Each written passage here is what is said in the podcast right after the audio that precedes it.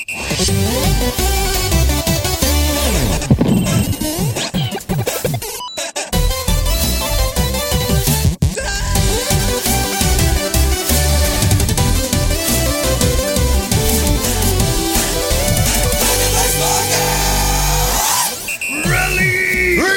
Er bort av glasset! Og vet du hva? Det er lov med en klassisk release krakken bort av glasset i dag. Altså, fordi nå er jeg tilbake. Vi har fått streng beskjed Andreas Hedemann å roe ned overtenninga. Men det er vanskelig, for jeg gleder meg så innmari til å være med i min første episode i år. Jeg skal slutte å si ting høyt, Andreas. Jeg lover. Mitt navn er Sebastian Brynestad, og overfor meg sitter doktor Steffen. Hvordan går det? Eh, Det går bra, eh, spesielt etter at jeg har fått en doktorgrad eh, og kan gå rundt med den offisielle tittelen som Doktor-Steffen. Ja. Eh, Fått et mye bedre liv etter dette. Det er, det er kort tid, men allerede Det er ekstremt kort, men allerede, og folk tar meg mye mer seriøst. Ok, men Kan vi nå bare roe det helt ned litt sånn dus? For Andreas sier gitt oss streng beskjed om ikke overtenning før. Fordi han, han husker Altså, han har allerede vært der. Andreas er her hver gang. Og det er vår, det er vår første i år! Og det er, vi har overtenning. Men der sitter han altså i Donkey Kong Sinna-ape. T-skjorte. Han har rødhåra. Han har øretelefoner. Og ikke overtenning der, Andreas Hedman. Det må da være lov! Nei da! Jo da! Hva Det syns er du? så bra at, at du eh, går inn med så overtenning. Og så er det jo din catchphrase som har blitt min catchphrase! Hvis jeg får noe mer overtenning nå, så begynner det å brenne her. Det er altså Bot som har sendt inn dette. Det må da være lov å spørre om dette legendariske utsagnet kan være catchphrasen neste gang Sebastian er co-host. Det må da være lov. Det må ta- Du må si det sånn som det skal. Det må da være lov. Det må da være lov! Ja, Kan du forklare kort uh, konteksten til de som ikke skjønner hva det må da være lov kommer fra? Vet du hva, Det er en gammel YouTube-video fra Gruppa Kollektivet. Den tror jeg er long gone hele gjengen, men Ja. Den er ganske gal, den. Så søk på Det må da være lov. Hvis den fins fortsatt. Den finnes fortsatt. Det var, det var ikke lenge siden jeg så den. Nei. Hvor var du? Altså, var du på Mediateket, da? Eller hvor? Nei, jeg var på youtube.som. eh, og, og eh, tittet meg gjennom gamle, klassiske kollektive sketsjer. Uh. Ja, altså, fordi jeg søkte det på noe nå. Det eneste jeg fant, var en gammel Det må da være lov-logo på VAP. Å ja, riktig, ja! Ok, da kan det være det, da kan det være det lenger siden. Ja. Mulig den er fjerna. Men Ja. du, jeg bare må si hei til deg, Steffen Lund. Hei, Andreas Hedemann. Hei til deg. Uh, Hei til du, deg.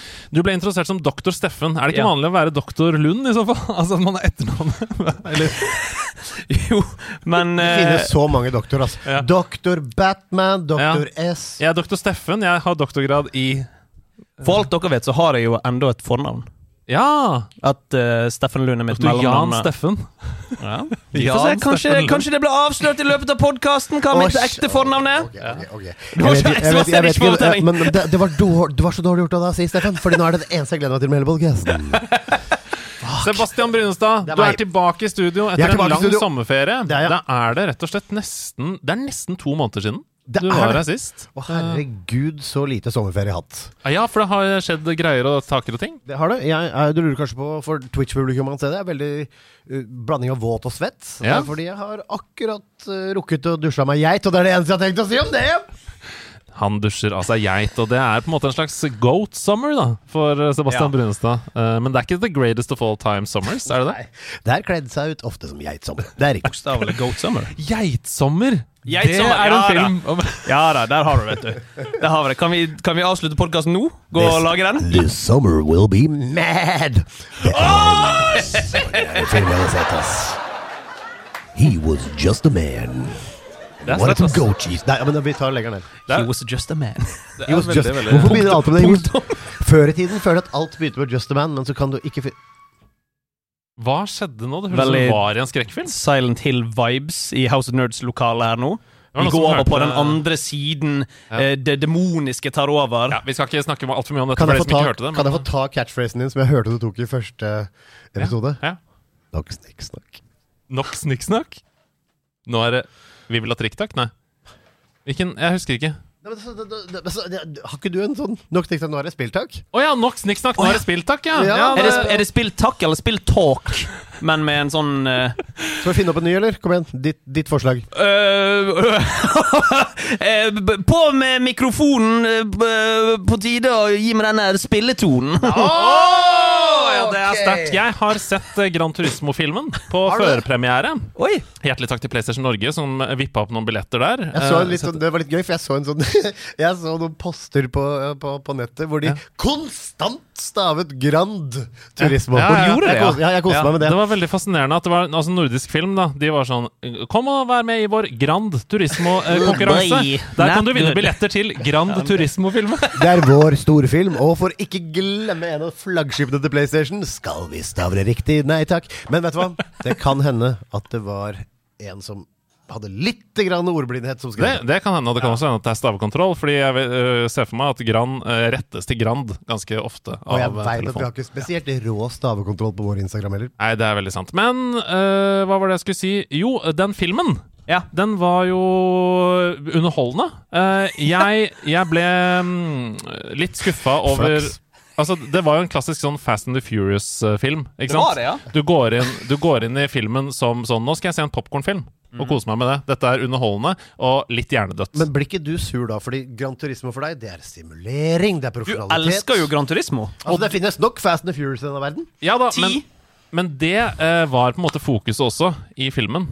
Altså eh, simulering osv. Det handler jo om eh, Jan Mardenborough, som var en eh, Grand Gran Turismo-sjåfør. Altså, på en ekte historie. Ja. Okay. Eh, han, han var en, og er en Gran Turismo-ekspert, altså spill-simulatorekspert. Og så fikk han sjansen til å prøve seg som racingsjåfør. Ble motarbeida av hele racing-GT-bransjen. Som sa sånn Dette er farlig. Eh, Simracere kan ikke kjøre ekte bil. Og så begynte han å vinne litt, og sånn da så får vi se åssen det går etter hvert. Eh, Du så, må ikke spoile. Nei, så, så poenget er i hvert fall at det tar liksom kulturuttrykket vårt veldig på alvor. Ja. Den filmen sier sånn De som driver med simracing, det er ikke eh, lek. Det er det nærmeste du kommer å kjøre ekte bil eh, Er, digitalt. men er filmen 24 timer lang fordi de legger inn Le Mans? ja. Eh, nei, men de legger inn Le Mans, men den er Ja. ikke, er ikke 24. Har, og de har edita? Ja, de har edita. Okay, Gjør du en er- cameo i filmen? Den er to Som eh, sitter nede i kjelleren og 24 timer og Oh, det har vært veldig bra. Altså, Vi skal nå er- klippe til Andreas. Vi, ja, fordi det er, sånn, det er en sånn episk scene hvor du bygger Hvor du ser alle som sitter hjemme og simracer Så Mans. crossfade over på André Serman i kjelleren. Nei, Det er den eneste 24-timerfilmen jeg har sett. Det er deg, Andreas. Ja, det, er- det er veldig koselig. Nei, det, den inneholder ikke det. Eh, men den var 2 timer og 15 minutter lang, og det var 20 minutter for mye.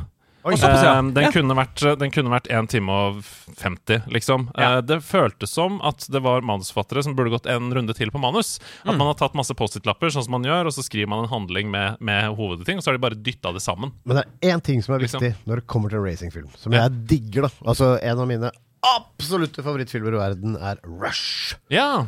Ja. Det jeg lurer på, er Ser det fett ut?! ja, det ser veldig fett ut. Det ser veldig fett ut, og det høres veldig fett ut. Det popper i, i eksospottene osv. Regissert av Neil Blomkamp. Ja, Blomkamp. Neil Ja. Blomkamp av Neil- denne District 9. Ja! Altså den nederlandske, vet du. Ja! Ja da, det er sånn Neil Blomkamp som er mye movies nå. ja. Nei, men er det veldig var, flink, han er god. Ja, han er god. Han er meget god. Altså, choppy. Ja. Ja. Sekvenser i filmen er veldig bra. Altså 40 minutter her og der er veldig interessant. Men det er litt sånn, veldig sånn Hvis du ser for deg sånn Og så ble han lei seg, og så ble han glad, og nå skal han kjøre billøp, og nå vant han, og så skal han dra dit, og nå er han i Paris, og så skal han til Tokyo. Det er veldig sånn stakkato altså, hendelser etter hverandre. Jeg håper ikke det var en fortellerstemme du siterer nå. Nei, jeg bare siterer dramaturgien. Var denne filmen det kritikerne kaller for Orlando Blooms comeback? Oi. Hvem- hvem spiller han? Hæ? En gammel Opel Corsa? Jeg vet ikke, jeg har sett den på plakaten. Ja, Han spiller sjefen for dette programmet. Ja. Den eneste som har tro på simracerne. Ja, og sier sånn De kan kjøre bil, folkens! Og som Ja. står imot uh, Vi må ta gamerne på alvor. Ja, ja, ja. Som ja. i Team uh, Nissan uh, sitt GT Academy, som var en ting. Bare Ja. sånn at det er sagt. Det var en ting, og dette er historien om hva som skjedde med det. Nå får jeg på øret her et spørsmål fra publikum. Eh, Sier du gamerad nå? Gamerne. Ja, jeg. Ja, jeg sier vel det, men det, det har jeg ikke tenkt på før Er nå. det DNE? Gamerne. Ah. Ja, gamerne. Ja, Eh, så en helt fin film. Hvis du er veldig glad i Gran Turismo, så bør du se den. Fordi det er uh, det, Hele filmen begynner på en måte med at man får se den originale Gran Turismo-skaperen sin visjon. Du får lov til å være med inn i Polyphony Digital, hvor du ser hvordan de skanner bilene og sånn. Og det er veldig sånn gåsehud for meg, da, som liker Gran Turismo. Um, og hvis du har lyst til å se en underholdende popkornfilm, liksom, så er det Du får adrenalin, du kjenner at pulsen stiger, og det er sånn Kommer han til å klare det på slutten? Kommer det til å gå? Akkurat som Ikke Goal. fortell om han klarer det. Akkurat som Goal-filmen. Altså, det, oh, Goal, Goal 2 spesielt. Ja, men da skjønner du hva jeg mener. Min favorittscene i Goal bare for å, for, Ja. altså vi, Vet du hva, jeg mynter dette på Fifa.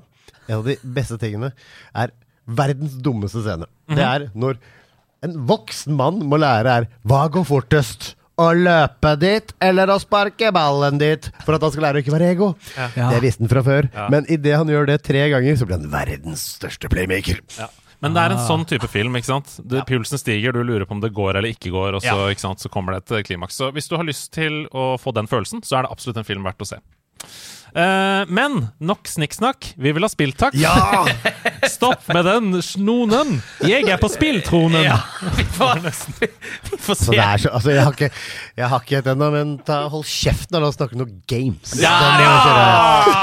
Der sitter han. Oslo øst. Du må begynne, Sebastian, for Ja, du har jo hatt en hel sommerferie. Fortell uh, i korte trekk fra juni til nå. um, det har vært en del. Ja. Altså, jeg har som vanlig spilt en del Fifa, og jeg ser du vrir deg i stolen. Håper ikke det er det eneste. Du er den eneste som spiller Fifa i hele redaksjonen. Jeg har så spilt en del Fifa, det er endgame nå, så det har vært veldig mye gøy.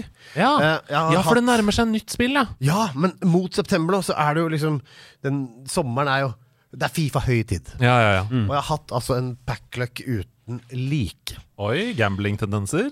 Altså, nei, men du sparer jo alt! Ja. Du sparer alt, Andreas! Ja. Explain to the folks at home, packluck. Okay, let me tell you. No, uh, folks at home, uh, the thing about the packluck uh, Nei, men det er uh, pakker ikke sant, du åpner. Men Ja. jeg som jeg har fortalt, jeg lager jo et budsjett hvert år på 5000 kroner maks som jeg har lov til å bruke. Som jeg mener er greit å bruke. I måneden? Nei, i året. Oh, ja, i året. spill. Men, altså, tror jeg er onkel Skrue her, eller? Onkel, oh, onkel Spend like. Men det er Spend it like Beckham. Onkel, onkel Skruen som Beckham. Skruen som ikke Onkel Skruen, ja! Men Spend it like Beckham er enda bedre, for han har slutta å spille. Men fy faen, fyren bruker penger, ass! Nok om det. Jeg har et budsjett, så det føler jeg veldig slavisk. Fordi ja, det er microtransactions, men det er en hobby jeg er glad i. Ja Men da. Det er det samme som, det er det samme som uh, å male Warhammer-figurer. 100 100 Jeg støtter det. jeg støtter det. Jakte. Ja. Men ja, det er et gamblingprinsipp, så du vet aldri. Men du sparer også pakkene du får rewards. Og så har jeg hatt en bra packluck nå. Så jeg har fått et veldig bra lag mot endgame. Ja. Og det er veldig gøy. ja, det er gøy. Men det er jo, for nå er det jo FUT-kjør, og disse weekend leagues og sånn krever ganske mye. Altså, Fifa har jo blitt en sånn Mm. eh, game as a service, sånn som Destiny 2 og andre spill, som du faktisk må spille jevnlig for å få noe ut av det. Og disse weekend leagues er helt uh, utrolig viktig. Ja, Ja. og futt er altså det du bruker til å sparke ball med? nei, det er Fifa Ultimate Team står det Ah, for. ok. Så det, det er som, nei, men det sånn Elsker når du gjør deg dum for publikum, eh, Steffen. Gjør meg dum for Foot er publikum? Fifa Ultimate Team, hvor du kan Ja, Foot er jo da hvor du bygger ditt eget lag med kort. da Så det blir som en kortsamling digitalt som fornyer seg hele tiden. Litt som Heartstone Så- eller. Magic. Eller, Ja, Men- sant? Det er ikke det eneste. Fordi jeg har nemlig fått en ekstrem avhengighet i løpet av sommeren. Oi! Den er på mobil, og den begynner å bli skremmende kompulsiv. Oi! Jeg har allerede spilt én runde under bordet uten at dere har sett det. Oi. Nei. Er det sant? Det er verdens dummeste ting, men som en fyr som liker å lære ord, Ja. og som liker ord Word trip. Word trip! Sebastian snur altså når mobilen mot oss og viser oss en ladybug som han fikk opp på skjermen. Ja. Det er et hjul nederst med bokstaver på, Og klarte jeg nettopp brettet andre, under bordet her før. og andre eh, Et slags Scrabble-aktig brett han skal fylle inn. Ja, det er mye reklame og dritt i dette hvis ikke du betaler for det, men det går fort å se på. Okay. Det, Bare gjenta, gjenta navnet fort mens du snakker om det. Hva heter Word trip. Word trip. Så det er bare et sånt hjul som du da drar fingrene eh, til å finne ord. Det kan være tre bokstaver, det kan være mange bokstaver, det kan være hva som helst. Og så er det De har laga The Word Trip heter det fordi du liksom reiser rundt i verden. Det er ingen historie. Drit i det. Alt annet er piss. Ja. Ikke betal for det, for det er lett å bare quitte og restarte. Nå er allerede Steffen i gang. Jeg har funnet ordet gun og ping, og nå fant jeg gum. Det er en ring med mange bokstaver, og så er det grids med tre til da alle bokstavene. Det er så noe som svever finne- på skjermen, så jeg har veldig lyst til å trykke Ja, på. trykk på den. Det er så mange ting som skjer her. One Men- coin has been added. det, dette har jeg ikke brukt ei krone på. Nei. Og det eneste du må gjøre, er å av og til bare fast quitte. Liksom. Men Ja. for hver gang du klarer et ord, Uansett om det er en av de ordene som skal til eller ikke, øh, enten tre, da, eller fire, eller fem, eller seks, eller maks sju, så får du poeng. Men hvis du bommer og ikke skriver riktig ord, og det ikke fins, da mister du en Og du streak. mista poeng! Ja! Du mistet Ja, ja. masse poeng når du hadde telefonen Og du, til meg i konkur- sted. og du konkurrerer ikke med noen! Nei. Og jeg driter i det, men det jeg gjør, øh, altså det jeg elsker med Wordtrip, er at jeg har lært masse nye ord! Ja. Ja. Nevn ett! du- Hva? Nevn ett, sa Steffen. Nevn ett! Ja, Nevn ett ord du har lært. Yurt. Yurt, ja. Y-U-R-T. Ja, ja, ja. Det er en slags Det er det som de bor i på steppene En i Ja, ja, ja. Absolutt. Eh, Mongolia var det jeg tenkte på. Eh, for transmongolske jernbanen Den går via masse yurts. Og det som er fint med det, er at da kan du gå inn Jeg kan f.eks. vise her. Jeg kan si, da trykker du på ordboka som du får med. Ja. Dette koster ingenting! Og da kan du se sjekke ja. Og her fikk Steffen til gum. Ja. Og da er det noun. Any various viscous substance that are exuded by certain plants, trees, and dried water. Men også a similar plant. Er det noe Nei. De forklarer det til deg. Det er jo helt utrolig. Det er et fantastisk spill. Og Så folk som er glad i språk, og som er um, har god, Altså, Det virker jo ikke som det er noe tidspress eller noe. Du kan bare kose deg underveis. Ingenting. Mm. Og faktisk, selv om det er mulig å betale vekk reklamer og sånt, så drit i det. Mm. Det er super, super, super eh, gøy hvis du liker kryssord. Ja. Hvis du liker liksom tankegåter og utfordringer og sånn. Mm. Noe av det beste. Sånn bare mindless fun jeg har vært borti for lenge. Skal 100 laste ned. Det var veldig gøy. Du skal det? Ja, ja, selvfølgelig. Det var Mer du har kjempegøy. spilt i sommer? Du, det er det. Eh, oi, oi, det er fortsatt min tur. Ja, ja. Rocket Ett til. League- Altså, ok, å, øh, å, fy faen, jeg har spilt øh, Søren, jeg har spilt så grådig. Ja, du har jo det. Det er jo eh, Når man eh, bruker mye tid i Oslo, altså hjemme på sommeren Mm. det er Samme om du bor i Oslo eller ikke, men hvis du har en hjemmesommer, da så blir det jo mye gaming. Eh, Absolutt. og det har vært litt dårlig vær og sånn på Østlandet, så Jeg kan si så mye som at dette er en fyr som, hvis jeg først skal feriere, hvorfor ikke egen by? Ja. Alle drar. Ja. Nei, Byen er min. ja, det er deilig. Ja. Eh, jo, nei, eh, jeg har eh, spilt eh, Altså, det er Rocket League. Eh, jo, og selvfølgelig hatt tidenes det er sommertradisjon. Gjengen møtes for Chalice Dungeons i Bloodborne. Ja. ja, så gøy. Fortell om Chalice Dungeons. Vi har snakka en del om FromSoft-spill, men vi har ikke snakka om det konkret i nederlandslaget. Hva er det? Chalice Dungeons er randomly generated dungeons Ja. med bosser. Å ja, ok. Så det, er, det blir som et nytt eh, eventyr hver gang, på en måte. da Hvis Ja. man i hvert fall er en gjeng og lager seg sitt eget eventyr. Og så lager man verdens mest ræva karakterer og ser om man klarer Chalice Dungeons. Å ja, så det er en slags egen skill i, eh, ski, i spillet? At det er sånn Hvor dårlig kan jeg være og fortsatt klare det? Ja, vi pleier, å, vi pleier å trekke litt lapper og ha litt gøy med det. da Sånn Å, du har ikke, du har ikke lov til å ha noe armor. Du kan ikke ha Å, det er veldig gøy. Ja, for, ja, det, Men, men er dere sammen i dungeon, eller eh, Ja, ja online samme dungeon. ja, det er gærent. Riktig. Mer du har spilt? NHL PA93-turneringen. Å, den tradisjonelle NHL PA93-turneringen som er hvert år. Og det er med familien. Fetterne kommer. Men da trekker du fram den gamle Segaen, ikke sant? Oh, ja, ja, ja. Og dere spiller på de gamle kontrollene og gamle gammel ja. hardware. Og du må bytte på. Hvis du er borte, så må du spille med ræva-kontrolleren. Ja. Og hvis du er hjemme, så får du spille med bra. ja, så klart. Det er da fetterne og fattern og onkel Tom. Ja. Shout out. Hei. Og jeg vant i år igjen. Ah, gratulerer. Det er sterkt. Eh, Jeg tror Oi! ja, men I det impressed. som Ja, er, jeg òg. jo, men det som er litt trist med det, jeg tror dette kan bli slutten for onkel Tom. Nå har de ikke vunnet på tre år. Han vil ikke komme tilbake neste år. Onkel Toms hytte er full av Sega-spill. Riktig. Og der ender vi den. Steffen, Ja! hva har du spilt eh, siden forrige gang du Ja, la oss si siden før sommeren, da. ja, før sommeren kan vi si. eh, jeg har jo, jeg og min samboer har flyttet. Vi har kjøpt oss leilighet første gang. Så jeg har brukt veldig mye av sommeren på å flytte. Ja. Uh, men rett før vi skulle flytte, så rakk jeg å spille litt Final Fantasy 16. Åh, hva syns du var førsteinntrykket? Meg, meg falt litt ut etter hvert. Oh, ja, okay. ok. Spillet, Statistikken til PlayStation sier at jeg er 70% ferdig med spillet. Jeg savner, eh, jeg savner tull. Jeg savner Ja. mine Red 13-karakterer. Jeg savner min Vivi. Jeg savner uh, Sade Kith, eller hva faen det heter. Altså rare fa Final Fantasy-figurer. Mm. De tar det på blodig alvor, alt som skjer i spillet. Ja. Og det- ja, jeg, jeg savner tull og tøys. Ja, for jeg har sett at noen som eh, liker det veldig godt, de liker det at det er dark Ja. og liksom litt emo, på en måte, og introvert. Men du Eh, litt kan gjøre begge deler. Mask versus Ocarina of Time. Ja. Ja. men jeg syns du kan gjøre begge deler. Du kan være goofy. Fucking Elden Ring er jo goofy as fuck noen ganger. Ja. Samtidig som det er dark. Ja, det er også. sant, Jeg føler, liksom, jeg føler ikke at regien er så, er så goofy as fuck. Ja, Men du kan Ring. jo gjøre det goofy as fuck. Nei, Ja, men det er, det er jo karakterer. Bock the Seamstress og Alexander sant, er the. Jar og hva faen. Det er mange goofy karakterer der. Men nå har ikke jeg spilt Final Fantasy 16, men er det null sjølironi, liksom? jeg, jeg syns det Det har én karakter som er en onkel, som jeg tror bare heter Uncle. Eh, Som er litt vittig når han kommer inn. Det er alltid gøy når Uncle kommer, drar noen gloser Ja, ja, ja. er litt quippy. Men utenom det så er alle veldig sånn gruff. Alt er helt jævlig, og verden går under, og vi kan ikke stoppe det, og det er så jævlig mye drama hele tiden. da Og jeg kunne tenkt meg litt, uh, litt lighthearted. Litt tøysete Final Fantasy. Hvordan er det i forhold til det der eh, med bilen? Ja, 15. Forrige gang jeg spilte et ordentlig et, ja. Ja, jeg eh, Jeg liker Final Fantasy 15, jeg. Mm. Jeg liker Final Fantasy 15. Jeg vet det er mange som ikke liker det, men jeg, jeg, jeg, liker fem, fem menn på en roadtrip. Han kokken er fin, han. Han kokken er fin, han! I've, I've made up a new recipe. Men jeg digger han kokken der. Men er det du egentlig savner? At noen bare tør å slippe løs moroen og latteren? Ja, Det det du hvis, ja, hvis han hadde vært med, så hadde det vært fantastisk å se. Jeg har spilt litt av det. Utenom det så uh, var sånn her Jeg sitter og spiller uh, Samboeren min Aurora. Hun, hun ser på, det er ikke alltid så gøy. Så jeg tenkte la oss prøve Diablo 4. Ja! La oss prøve Diablo 4 sammen. toplayer. Jeg har lest det går an å ha uh, toplayere. Og da på vi har konsoll? konsoll, PlayStation 5. Vi har 80 timer i Diablo 4. Mm. Vi har ikke gjort annet i sommer enn å spille Diablo 4. Det er utrolig gøy. Vi elsker det. Ja. Vi er Ja. helt solgt. Det er det perfekte spillet å spille med en partner. Eh, hun har det problemet hvor hun sliter med eh, camera controls. Hun sliter med 3D-spill. Mhm. Liksom å kontrollere kamera samtidig.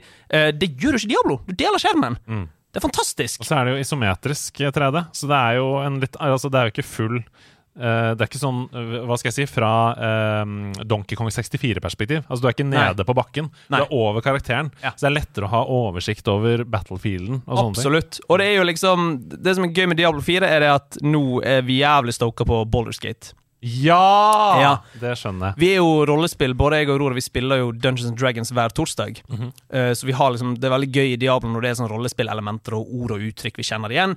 Men Boulderskate er jo enda mer. Eh, det er jo DND-verden. Men er det den gjengen bak Divinity som lager det? Ja. Larian. Vi skal snakke om det straks. ja, ok, men da trenger jeg ikke å bable om det. Men, uh, Men har du vi, begynt på det? Boulders Gate? Nei, nei, nei, vi uh, PlayStation. Jeg spiller ikke PC. Nei, Så jeg venter til PlayStation. Ja, og der kan du gjøre split screen co-op. Men uh, Diablo, Ja. morsomt eller? Ja. Ja, sånn type, Nei, å ja! Nei. Eller er det altfor beint? Nei, det, men det, du driter litt i det, merker jeg. Altså, men det litt sånn Jeg, jeg føler ikke Historien Du kan spille gjennom historien på ti timer, tror jeg. Så vi har jo bare fucking gjort Sidequest. Vi har bare eh, fått lut og gått inn i dungeons. Det er bare gøy å gjøre det sammen. Slåss med ting, og vi er veldig gode sammen. Jeg er en barbarian som dør hele tiden, og hun er en rogue som løper rundt og legger feller. Og reviver meg hele tiden. Og, ja, det er veldig gøy, gøy å spille sammen. Altså, hun føler seg så viktig da, i eventyret. ja, og det er hun. Det er hun jo. Åpenbart, ja. 100 Når du har en inkompetent barbarian, så er det Ja, klart ja, bare- Ja, stokk dum jævla barbarian. fight, me kill! ja. Og ba, absolutt aller siste jeg skal skyte inn, er bare det at kanskje sacrilegious å komme her, men jeg måtte bare ta på et litt sånn uh, comfort food-spill når Ja. det var litt uh, ledig tid. Jeg installerte Red Dead 2. Ja! Ikke noe sacrilegious i det hele tatt. Uh, spil, men Spilte du det online, da, eller prøvde du å spille historien Jeg- fra starten? jeg- Du bare, du, altså, er, det, er det kødd, eller? Altså, Nei. fordi jeg har fått streng beskjed av Hedman at jeg ikke får lov til å snakke mer om Red Dead Redemption. Så, altså, gøy, da! Så gøy, da! Håper du koser deg med Håper du koser deg med vaktverket!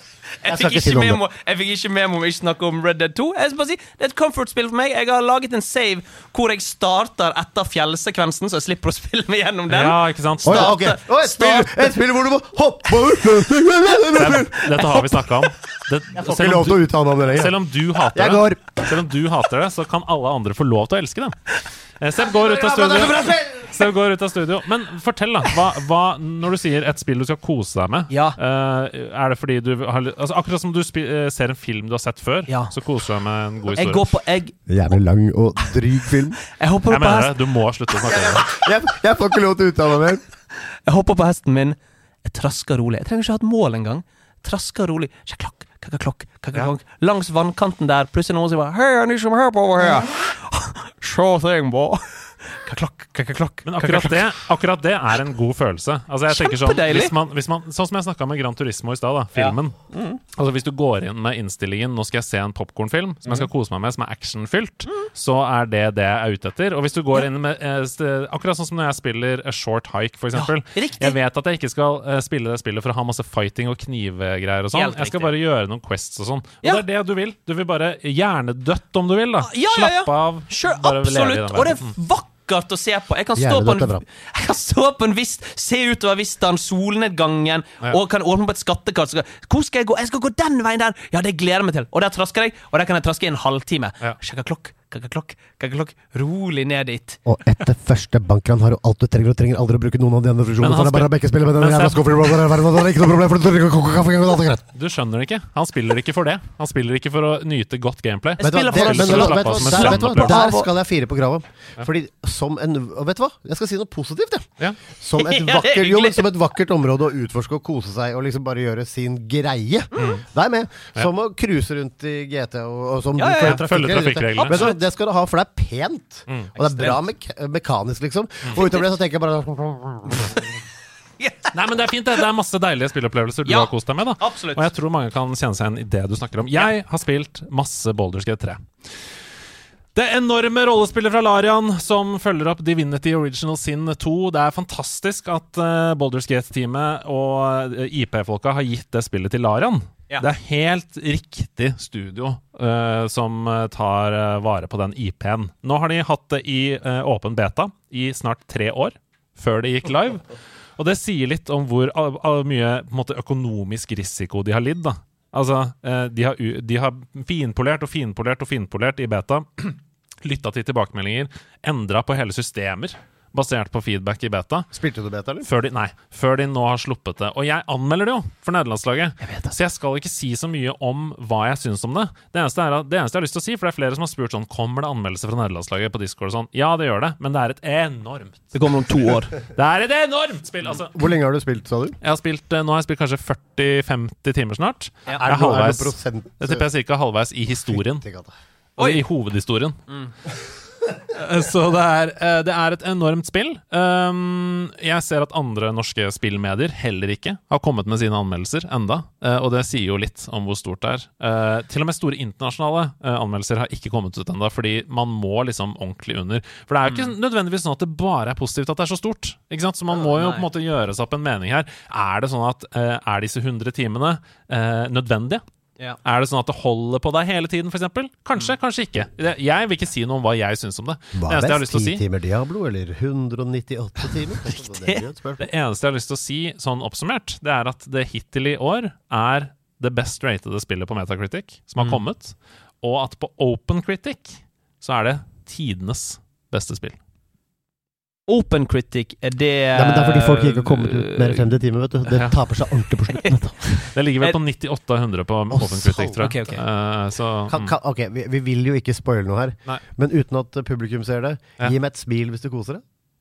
Ah. Oh, dette blir spennende! Nei jeg koser meg, altså. Det er ikke noe tvil om at eh, jeg koser meg. Det hadde vært veldig rart hvis jeg syntes det var dritt, når Ja. alle andre syntes det var bra. Men, kan, eh, kan jeg stille ja. ett spørsmål til deg? Ja. Jeg bare lurer på, fordi at eh, det, Som i Diablo, så syns jeg problemet er sidequests. Jeg synes Nesten alle sidequests-spill er dørgende dritkjedelig. Ja. Men for meg at manuset i Boulderskate er veldig bra, Ja. og det er funny, og det, det, det er gøy, det er bra skrevet, men er, er sidequestsene eh, gode, eller er de også bærer preg av jeg, Eh, jeg de- trenger en bøtte, kan du gå bort der Å ja. og hente Nei, bøtten det er, min? det er veldig lite fetch eh, quests. Det er det, ja. Det er det. Okay, nice. Jeg kan si kort i, at i World Trip så er det sidequest. Der kommer ei bie som legger en bokstav og så koser deg. Fantastisk. Ellers så har jeg spilt masse Dave the Diver, som alle, Ja. alle må spille. Alle Ja. må spille det. Det er Vampire Survivors-avhengighetsskapene, altså. Det er så gøy. Setter du det like høyt? Eh, jeg sitter høyere. Yes. Da jeg er takker et- jeg for i dag, og så dreier jeg meg og spiller Jeg syns det er et perfekt gameplay-loop. Altså det er, Du spiller en litt korpulent dykker som eh, blir kasta ut på, dykke, på dypt hav. Eh, Jeg har aldri dykka før. Eh, jeg har fortalt om det i nederlandslaget før, så jeg skal være kort. Men eh, hele gameplay-loopen går ut på å dykke nedover, finne ting under vann mens O2-nivåene dine synker, eh, fiske. Og så bruker du den fisken til å lage sushirestaurant på kvelden. Ja. Okay, okay. Vet, du hva? Vet du hva? Det er så deilig at noen, uh, uten å nevne navn, eh, altså som Men- får en, en dykker de kan identifisere seg med. Ja. Se Sebastian Brynestad. Det er ikke alltid dykkerne er i min Men en korpulent dykker som, er, som dykker for å spise! Ja, ja, ja, ja. Nei, men Det er kjempemorsomt, og det er et fantastisk manus som byr på veldig masse overraskelser. Og gameplay-loopen er så gøy at jeg har sett at hardcore gamere Altså Nå snakker jeg om folk som har spilt 200 timer Valorant og sånn, bare Nei, vi spiller spille Dave the Diver, jeg. Så, så det anbefaler jeg. Um, Er det PlayStation, eller er det bare PC? jeg tror det finnes på alle plattformer. Det du må huske, er at Vampire Altså Vampire Survivors Husker dere? Altså, alle lo litt av det. Jeg satte meg ned med det, og så gjorde jeg ikke annet i en uke. Ja. Og hvis David Diver er bedre, aner vi en Game of the Year-contender? Det, er faktisk det, altså. Uff. Det ligger an til å være i hvert fall eh, Jeg tror ikke det vinner Game of the Year, men jeg tror det kommer til å være med i samtalen, som jeg sa om Perseverance. Nei, for det der biesidespillet i Wordtrip kommer til å ta pokalen i år, altså. Eh, så har jeg hatt en stor eh, Før sommerferien så hadde jeg sånn eh, Nerdelandslagets store kosestream i samarbeid med Kims. Hvor vi bare spilte kosespill i fire timer og ga bort eh, potetgullposer og koste oss. Og nå har jeg gjort det igjen! På høsten! Så jeg har spilt en haug med kosespill. Jeg skal bare snakke litt om de kosespillene uh, hvis du er en uh, gamer som liker den typen opplevelser, sånn som A Short Hike, som jeg snakket om i stad. Cat Goes Fishing er det første spillet Supert. jeg spilte. Jeg, altså, jeg merker allerede Nå smiler du blitt, Andreas. Kan jeg gjette? Jeg vet ingenting om det spillet. Nei. Er du en katt som Som har tenkt helt uten utfordring går ned til vann og prøver å fange noe fisk? Eh, Ja, men det er ikke helt uten utfordring, for dette er et RPG, skjønner du. Du Husker dere de gamle Flash-spillene fra vi gikk på ungdomsskolen? For sånn Newgrounds- Newgrounds.com? ja, for eksempel som er sånn Her er en stickman som skal hoppe utfor et fjell. Og Ja. så oppgraderer du med bedre vinger, så han flyr lenger. Og så får du rakettmotor, så han springer seg bortover. Ja, Zhao var et fantastisk spill. Sånn er Cat Goes Fishing. Du begynner med ei enkel fiskestang. Og så kaster du ut noe agn, og så får du små fisk. Og så kaster du ut den fisken igjen, som blir til større agn, som gjør at du kan få større fisk. Og så selger du den til kjøpmann, og da oppgraderer du fiskestanga di til bedre fiskestang. Ok Dette er jo Ja, ja, ja. Det høres gøy Men altså, er- hvordan er fiskemekanikken? Det må jo være bra, da, antar jeg. Ja, du bruker musa di og kaster ut eh, snøret. eh, En katt som bruker mus? Nei, nå har jeg hørt om det også, i tillegg. Han fikk snør i båten. Nei, nei. Å, nå er vi gode! Ja, det er Ja, jeg syns det. Og så etter hvert så um, du vet, Dere vet jo hvordan det er. Det blir større fisk. Du er på quests etter uh, eksotiske ting. Du kan etter hvert kjøpe båt, som gjør at katten kan ro ut på innsjøen for å dykke dypere, eller for å fiske dypere, osv. Høres Altså, er- kjempegøy ut. Hva, hva er målet? Målet er uh, veien, på en måte. Det er akkurat som sånn getting over it. Altså Du skal bare komme opp til toppen av fjellet. Du skal bare bonde, eller makse disse Ender du til slutt med en sånn livstrøtt katt som kjører sånn gigantisk tankskip med bunntråling som bare dreper all fauna? Bare drar Kaster ut dynamittkubber, sånn at Ja. alt flyter opp til toppen. Og så er det svart i øya. Gammel sjøulk. Nei, jeg, vet du hva? jeg vet ikke, for jeg kom ikke så langt. For jeg begynte på å spille Townscaper Ja. isteden. ja. Dette Igjen velger jeg å gjette, Andreas. Jeg vet ingenting om det. Likte du det? Eh, Det er veldig, altså Dette er det samme som at hvis man liker å tegne eller male som en hobbyaktivitet for å slappe av og tømme hodet, det er Townscaper. Ok, Da er jeg mer usikker, fordi jeg trodde først det var klippe hekk i ja, nei, nei. Nei. Det er bygge, bygge by? Townscaper er bygge en by. Ja, Og du begynner med et helt eh, blankt lerret, et canvas, liksom, som bare er en, en, et hav. Ja. Og så begynner du å sette ut bygninger oppå det. Og så begynner du å Her skal jeg lage et torg, og her skal jeg så, og, så, og etter hvert som du på en måte Det er veldig vanskelig å forklare, fordi det skjer ting etter hvert som du bygger bygningene. Uh, plutselig så kommer det f.eks. klessnor mellom det ene blokka du har bygd, og et annet hus, og så skjønner du Oi, her bor det noen som Altså, disse tingene skjer av seg selv. Da. Det høres jo helt utrolig hyggelig ut. Det er veldig zen. Ja. Veldig, veldig zen. Sett på noe sånn deilig lofi-musikk i Ja, ja. bakgrunnen, og bare pusle med Åh, det. Så blir det veldig rolig. Altså, kommer dette spillet uten innebygd lofi? Ja, det gjør det faktisk. Vet du hva, Det er kritikken verdig, syns jeg. Jeg måtte sette det på på, på YouTube. Dette høres kjempegøy ut. Det spillet høres fantastisk Jeg er veldig glad i disse typer spill, Andreas. ja, det er veldig Ja, koselig. dette er absolutt spill for meg. Ja. Folk uh, elska det på streamen. Folk, mange begynte å laste det ned. Vi lagde, Ja. vi lagde eh, House of Nerds fra over Å, det er jo veldig koselig. så jeg gikk opp i sånn fugleperspektiv, og så lagde Ja. jeg 1337 på er takene. Og så, Mm. Da kan jeg sånn apropos musikk kan jeg anbefale Mute det der gøyale biesidespillet på Wordtrip. Og sett på noe Ja. Chains og Gutsfuck med Mayhem, og så er du der, altså. Ja, ja, ja, så klart. Så uh, helt til slutt på denne kosestreamen så spilte jeg Haven Park. Og Ja. Haven Park, det er uh, a short hike. Altså, det Ah. er det samme spillet. Du spiller en bare så det, det er veldig koselig, veldig søtt. Du spiller en kylling med bein Perfekt. som går rundt, og som er redd for. Ja, så Litt som Pokémon, så uh, sier mora di Nå må du komme deg ut og klare deg sjøl. Du må passe på Haven Park her ute. Og så sier du Men jeg er altfor liten, jeg tør ikke. Kom deg ut, sier mora. Og, han bare har jeg bein? Ja. Og så, kan- ja. Har han bein? OK, godt, kom deg til helvete ut. og så kaster moren deg ut, og så skjønner du at du er en veldig stakkarslig og koselig liten fugl som når du trykker på uh, venstre mustat, sier piu. Yes. Er det, er, Fantastisk. er det litt inspirert av Untitled Goose Game, eller? Nei, Uh, det er nok mer inspirert av short hike. Short hike, ja. um, du går rundt og piu, piu, piu, piu, sier du, og så uh, gjør du ting, da. For eksempel så kommer du bort til stranda. Eh, der må du eh, bygge opp stranda for de turistene som Du passer på Haven Park, denne parken, ikke sant? Så de turistene som er der, de trenger et bål. De trenger uh, en barbecue-grill. Men turistene grille mennesker, eller de er Nei, også det er dyr? også dyr. Ja, alt er dyr. Ja, Alt er ja, ja. dyr. Eh, litt som Animal Crossing. Um, og for å få til det, så må du finne ressurser. Så du må choppe ned trær, du må finne metall, du må osv. Når Er du gjør det, så ja. Når du gjør det, så blir de som bor på den øya, eller turistene og sånn, de blir glad i deg, gir deg penger, og så kan du kjøpe nye ting, osv. Uh, Men, men hvilket spill har den shorteste hiken, lurer jeg på, for det høres litt døvt ut for meg. ja. Um, altså, hva er det kort Hva er det kjedelig Det var, det, det var en vits, Andreas. Ja, jeg skjønte ikke vitsen. Eh, altså, jeg anbefaler å spille Hvis du liker kosespill, så anbefaler jeg å spille både Short Hike og Haven Park. Jeg elsker short hike. Ja, men da kommer du til å elske Haven Park òg. Det er eh, Solgt. anbefalt. Den, Solgt. den bia i Wordtrip, den, den går også kort. Sebastian, Sebastian, jeg har ikke glemt bien. Vet du hva? Du og jeg skal konkurrere i spillet etterpå. okay, bra. Glem ikke bien! Glem ikke bien. Um, eh, og helt til slutt, Stian fortalte om noe i forrige episode, nemlig at han har blitt hekta på Pokémon Go igjen. Skulle ikke mer til enn at jeg også lasta meg Pokémon Go igjen. Og spesielt fordi jeg fikk en melding inn på min telefon den uka her. Og jeg må bare, dette må jeg lese opp i sin helhet, fordi jeg syns det er Dette er grunnen til at vi lager Nerdelandslaget.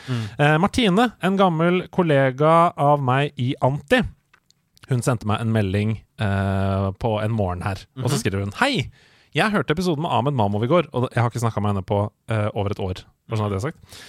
Hvor Stian snakket om han spiller Pokémon GO.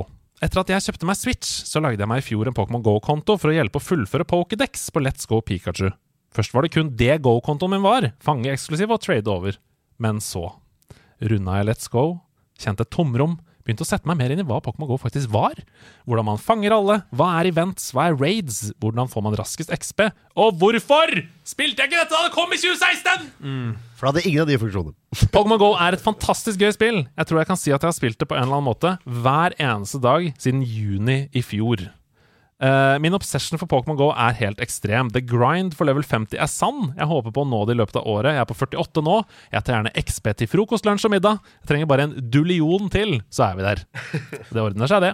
Og så skriver hun videre at hun bare Jeg gjorde mitt første Mewtwo-raid med noen kollegaer midt i parken utafor kontoret, mens vi egentlig hadde sommerfest på piknik i parken. Når jeg drar på ferie, så følger kartet etter. Når jeg reiser til og fra jobb, så følger kartet etter. Når jeg går tur i fjellet, så er det plutselig en poker gym oppe på toppen. Der jeg er! Akkurat der og da! Og jeg har gått dit på ekte! Det er helt rått. Og sånn som Stian sa, det er utrolig hvordan man har lyst til å gå overalt. Av dette lille, store mobilspillet. Og en hyggelig melding å få. Ja, så jeg ble Fantastisk. kjempeglad og veldig inspirert, og så tenkte jeg sånn Shit, jeg trenger jo å bevege meg mer i livet generelt. Så jeg lasta ned spillet, og vips, så hadde Camilla og jeg gått en mil på søndag. Jøss. Dette er utrolig. Det er jo helt utrolig, og det er kjempegøy. Jeg trenger ikke bruke noe penger på det i det hele tatt. Du kan sveipe på gyms overalt og få de pokerballene og revives og alt du trenger. Så Det, det er liksom en, det, det er en nerdeversjon av sånn geocatching. Helt riktig. eh, Så det er jo Altså, jeg digger også Jeg likte også Pokémon Go. Litt, litt lei fordi det er litt sånn Bitte lite grann sånn Kjøp det her. Men, men, jeg- men dritgøy. Ja. Og jeg, alltid, jeg gjør det ikke så mye her, men jeg gjør det mye når jeg er ute på tur. For da finner du nye ting, og så kommer jeg hjem, og da kan jeg fange Pokémon som folk som faktisk spiller vil ha. Det Og det var det. jeg tenkte jeg skulle si. Jeg har jo masse Pokémon som fanga på mange rare steder jeg har vært, som har glemt å gi til folk. Som har sånn hatt som det bare får der og sånn. Så hvis Det det er er, noen takers, skal dere få! Filler'n bare få! ja. Ny karakter. Ja, nei, altså Er en fyr som bare reiser rundt i verden og hjelper Bare folk med å fange de sjeldne Pokémonene som bare finnes der. Det er gøy. Jeg, hadde ikke, jeg, hadde, altså, jeg liker at Aril, du hadde ikke vært på helaften. Er det det han heter? Arild? Ja, Jeg føler heter Arild. Ja, Arild. Det heter jeg. Het jeg. Nå heter jeg Geir. Jo, men det var minnet om far min, og det vil jeg ikke snakke om nå. Nei. Koselig. Arild har Pokémon til deg hvis du trenger det. Um, bare å sende han en DM. Mange av dem har gøyale hatter som er eksklusive for de landa jeg fanger dem i. Mexico-hatt osv. Jeg har vært på flukt siden 1997. Nei, ikke si det! Arild! Arild. Ja, nå har jeg meg byttet navn igjen. Nå er det Ja. Lasse. Nei, Lasse! Ikke sagt si hva navnet ditt er! Greit, nå flykter jeg igjen. Ja, bra. Lurt. Nå lover jeg ikke si hva jeg heter. Jeg reiser til Malaga. Faen! Nei! Men jeg Ja, må det innom hva du har hatt. Pokémon GO er utrolig gøy, virkelig. Og måten å gå opp i level fort, det er bare å få seg masse venner, sånn som det beste er. Så gå inn på Discord-kanalen vår eh, i Pokémon GO der. Der ligger det masse vennekoder og sånn. Legge til folk, send hverandre gift, så går man opp i level eh, røyhøy hvor det går. Og det er XP stiger. Ja. Og hvis noen har lyst på Martins Ma her. nei, Nei! nei! Ha med ting etter ditt behag. Jeg lurer skikkelig på hvorfor du har med noe ting. Eh, Ja, oppi koppen min så finner jeg litt kaffe. Mm, Jeg har tatt med meg et psykisk tips. Jeg har ikke noe konkret. Men jeg har noe å gjøre deg fet, for jeg har Kim For det tar litt tid å øve inn, men eh, det er utrolig vanskelig å forholde seg til at det bare er én setning nå. For dette her pleide å være 20 minutter av den spalta. Men, Men da var det veldig bra. til slutt, Andreas. Nei, men da var det veldig bra at vi alle hadde skrevet det ned på forhånd. Ja, det var det. Og at vi leste det. Jeg synes det beste var at ingen fikk det noen runde. Og det var. Det er bra. Jeg syns det eh, sklei av sted, og nå er vi i gang med ha med deg-spalten. Jeg har eh, du, eh, du driver og kikker deg. en du med deg noe fysisk, Steffen Lund? Selvfølgelig. Oi! Da, Selvfølgelig jeg med med noe fysisk. Da vil jeg gjerne at du skal ta det opp av din uh, imaginære sekk. Nei, den er der! Det er en ekte Det er, min, fysisk sekk. det er min fysiske sekk som Ja. jeg har med meg på jobb eh, hver dag. Ja. Hvor uh, datamaskinen min er, og laderen min er. Du har ikke og- tatt med sekken din som har med deg? Det håper jeg ikke. Og den er uh, Nei, jeg har med en ting her. Og Ja. denne tingen her er en gave jeg fikk av min bror. Dette er kanskje det mest obskure jeg har. Ja! Men det er dataspillrelatert. Det er en figur. Å, en figur. Det er en figur. Sebastian blir glad. Jeg elsker figurer. jeg og elsker figurer. Vi samler litt på det samme. Jeg samler på Turtles-figurer. Og jeg Jeg- samler på Turtles-figurer. Ja, riktig. Ja. Hvor mange har du? Men jeg har ikke med Turtles i dag, fordi at jeg tenkte det er gøy hvis det er gaming-relatert. Så jeg har med en figur som er gaming-relatert, uh, som igjen er noe av det mest obskure jeg har. Og dette her, den er fra Japan. Oi, shit, det var nasty! Det ser ut som, altså for de som ikke ser dette, det er et foster som ligger sidelengs med vrengt fjes. Det er en full Son, son of Krang. Det er en full tanngard i fjeset. Eh, Den ligger sidelengs. Det ser ut som en blanding av absurd kunst og et eh, psykologisk horrorspill. Akkurat det er det! Kan jeg gjette? Selvfølgelig kan du gjette. Har dette noe med Kronburg å gjøre? Eh, Det er ikke noe med å gjøre. Dette er fra spillet Splatterhouse, som allerede Ja. er et obskurt uh, hack and slash horrorspill fra Japan. Ja. Eh, eh, dette er en eh, figur fra et selskap som heter Unbox Industries. Ja. Og den er designet av den originale spilldesigneren Takashi Oda. Og dette her er ikke en av hovedkarakterene. Dette er en liten fiende som finnes i én bane, som er Blink and You'll Miss It-karakter. Oh, det er så Det er Så dette er ikke hovedrollen, det er ingen av maincasten. Det er en Blink and You'll Miss It-karakter. Hvis du søker opp Playthrough av Splatterhouse og hopper inn i liksom bade, bane fire, så kan du se den lille babyen her klatte seg bortover, og den er null fare for deg, men er en liten baby som klatter seg bortover. Men i forhold til å være så oversett, så er det blid. Den er strålende fornøyd. Jeg elsker sånne ting som det. Sånn som i World of Warcraft så er det en bitte liten karakter som ikke har noe med spillet å gjøre, som sier én eller to setninger og har en bitte, bitte, bitte liten quest den første halvtimen du spiller, Ja. etter Dr. Boom. Eh, Fantastisk. ble et helt sjukt bra kort i Heartstone, som alle måtte ha! Dr. Boom. Folk sånn Hæ, hva er lauren til denne karakteren? Ja, bare en liten fis som står helt i starten her. Ja, ja. Sånne ting elsker jeg.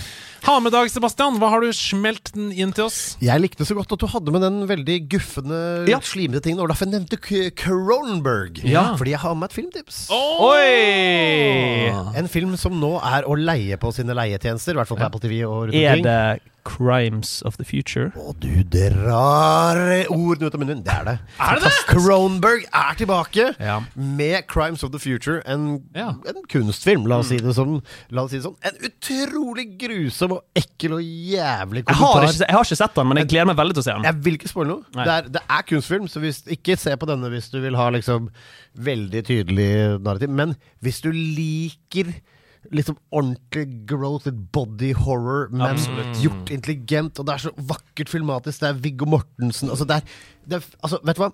Jeg må bare si, som en Kronberg-fan fra før, og som en visuell entusiast. Mm. Crimes of the future. Og ikke så absurd at du ikke får med deg hva som skjer. Den er ikke Naked Lunch. Uh, absurd, Nei, liksom. nei, nei, det er den ikke. Også mitt tips er Crimes of the Future. Vil ikke si så mye mer om det, men ikke Fantastisk. se den med unga. Det er 18 pluss, og hvis Ja. du ikke liker altså, Dette er body horror på sitt Ja, beste, men skjønner. Ja, ja, ja. unikt og vakkert, kult Ja, fantastisk. Gleder meg. Herregud. Dette er jo nederlandslaget, og vi går jo ofte ut fra at folk eh, kjenner til ting. Vi sier f.eks. bare sånn RPG og FPS og sånn uten at vi trenger å forklare hva det er hver gang. Ja. Men jeg tviler på at det er så mange som hører på, for dette nå er ganske bredt, som har hørt om Cronenberg. Bare Explain to the fortell, folks at home. hva er Cronenberg? Hvem, hva som er typisk for filmene til vedkommende? Og så videre. Cronenberg er en uh, legende innen uh, film altså, altså, hva, hva skal man nevne først? The Fly, kanskje? The Fly, fantastisk. David Cronenberg. Ja, David Cronenberg er en regissør som eh, utfordrer eh, sjanger, Ja. men også kanskje er mest kjent for b- horrible monstre. Ja, ja, ja. The Fly, Naked Lunch, Crash. Crash, ikke kulturkrasj-filmen, men den kåte bilfilmen Crash. Ja, og Ja. Crash Bandicoot Nei, Jo, han som var Crash Bandicoot, riktig. det er riktig. Det er han som er, nei, spiller. Ja. ja. Han er jo en, han er jo en kultlegende. Det er jo så enkelt som det. Og han har liksom gjort veldig mye forskjellig. Men han er kjent for horror og gross. Og det er lenge siden han har lagd en film. Altså Crimes of the Future er en big deal. Det er en big deal. For det er veldig lenge siden han lagde en film. Ja, og Cronberg har lagd en Crimes of the Future før, han. eh, Som ikke så mange så. Riktig. Det- Men, men dette er i hvert fall, er hvert fall eh, noe av det kuleste visuelle jeg har sett. Ja. det er ikke bare gross for gross. Nei. Og jeg vil si én ting, bare for å sette stemningen i filmen. Mm. Surgery is the new sex. Surgery is the new sex! Det jeg ble hyped av slikt, Andreas. Ja, det er bra. Og dere er jo horrorekspertene Ja. eh, i denne utstrakte redaksjonen, så det er jo trivelig. Um, bra. Veldig fine tips. Jeg har med et filmtips, jeg også. Og dette tror jeg snakka så vidt om i nederlandslaget før, men jeg har bare lyst til å ta det opp igjen, og det er filmen Moon Ja. fra 2009. En av mine favorittfilmer. Ja, regi av Duncan Jones. Det er altså en, altså Moon er en indiefilm på lavbudsjett, egentlig. Samtidig som det føles som en million dollar når du ser på. Eh, det er et sånn superdystopisk innblikk i hva som skjer når profitt blir det eneste viktige, og mennesker da bare plutselig blir verktøy i stedet for liksom levende er organismer spoile den med, med tanker og følelser. Så vi skal, jeg skal ikke si noe om hva den øh, går ut på, men hvis du liker filmer som Gravity eller som Interstellar, altså øh, romeventyr, sånn som uh, 2001, en romodyssé, Eller Mother. eller Mother for den saks skyld, så er det en film om det å leve i verdensrommet, rett og slett. Og nå er det lov å si det, for Kevin Spacey er frikjent. For en rolle han gjør som Ja, fordi den filmen her bæres altså så sjukt på skuldrene til Sam Rockwell. Sam Rockwell er hovedrollinnehaveren. Han spiller helt psycho. Det er nesten bare han som spiller i filmen, sammen med Kevin Spacey. Eh, han stemmeskuespiller på eh, en strålende måte, som du er inne på her, som en robot som heter Gertie. Så det er dette samspillet mellom Gertie og Sam Rockwell da, som er eh, helt utrolig. Og så er det eh, Den filmen byr på overraskelser og ubehageligheter. Så, klart. En av de aller, aller beste Altså, jeg så den helt, helt uten forventninger, og en av de beste filmene jeg vet om. Ja, fantastisk. Fantastisk film. Og veldig stilren. Utrolig kul grafikk. Coveret med den svarte og hvite sirkelen utapå hverandre. Altså, ja, den er veldig, veldig fin, altså. Så, og den kan du også se på diverse strømmetjenester. Så Moon fra 2009, regi Duncan Jones. Skal vi snakke litt om nyheter, eller? Ja! Har du lyst til å snakke litt om hva som skal skje og nyheter og sånn? ja. Vet du hva jeg kom på i dag? Nei. Jeg kom på en vits. Ja. Hva heter hva, he, hva kaller de halloween i Fredrikstad? Halloween! Halloween!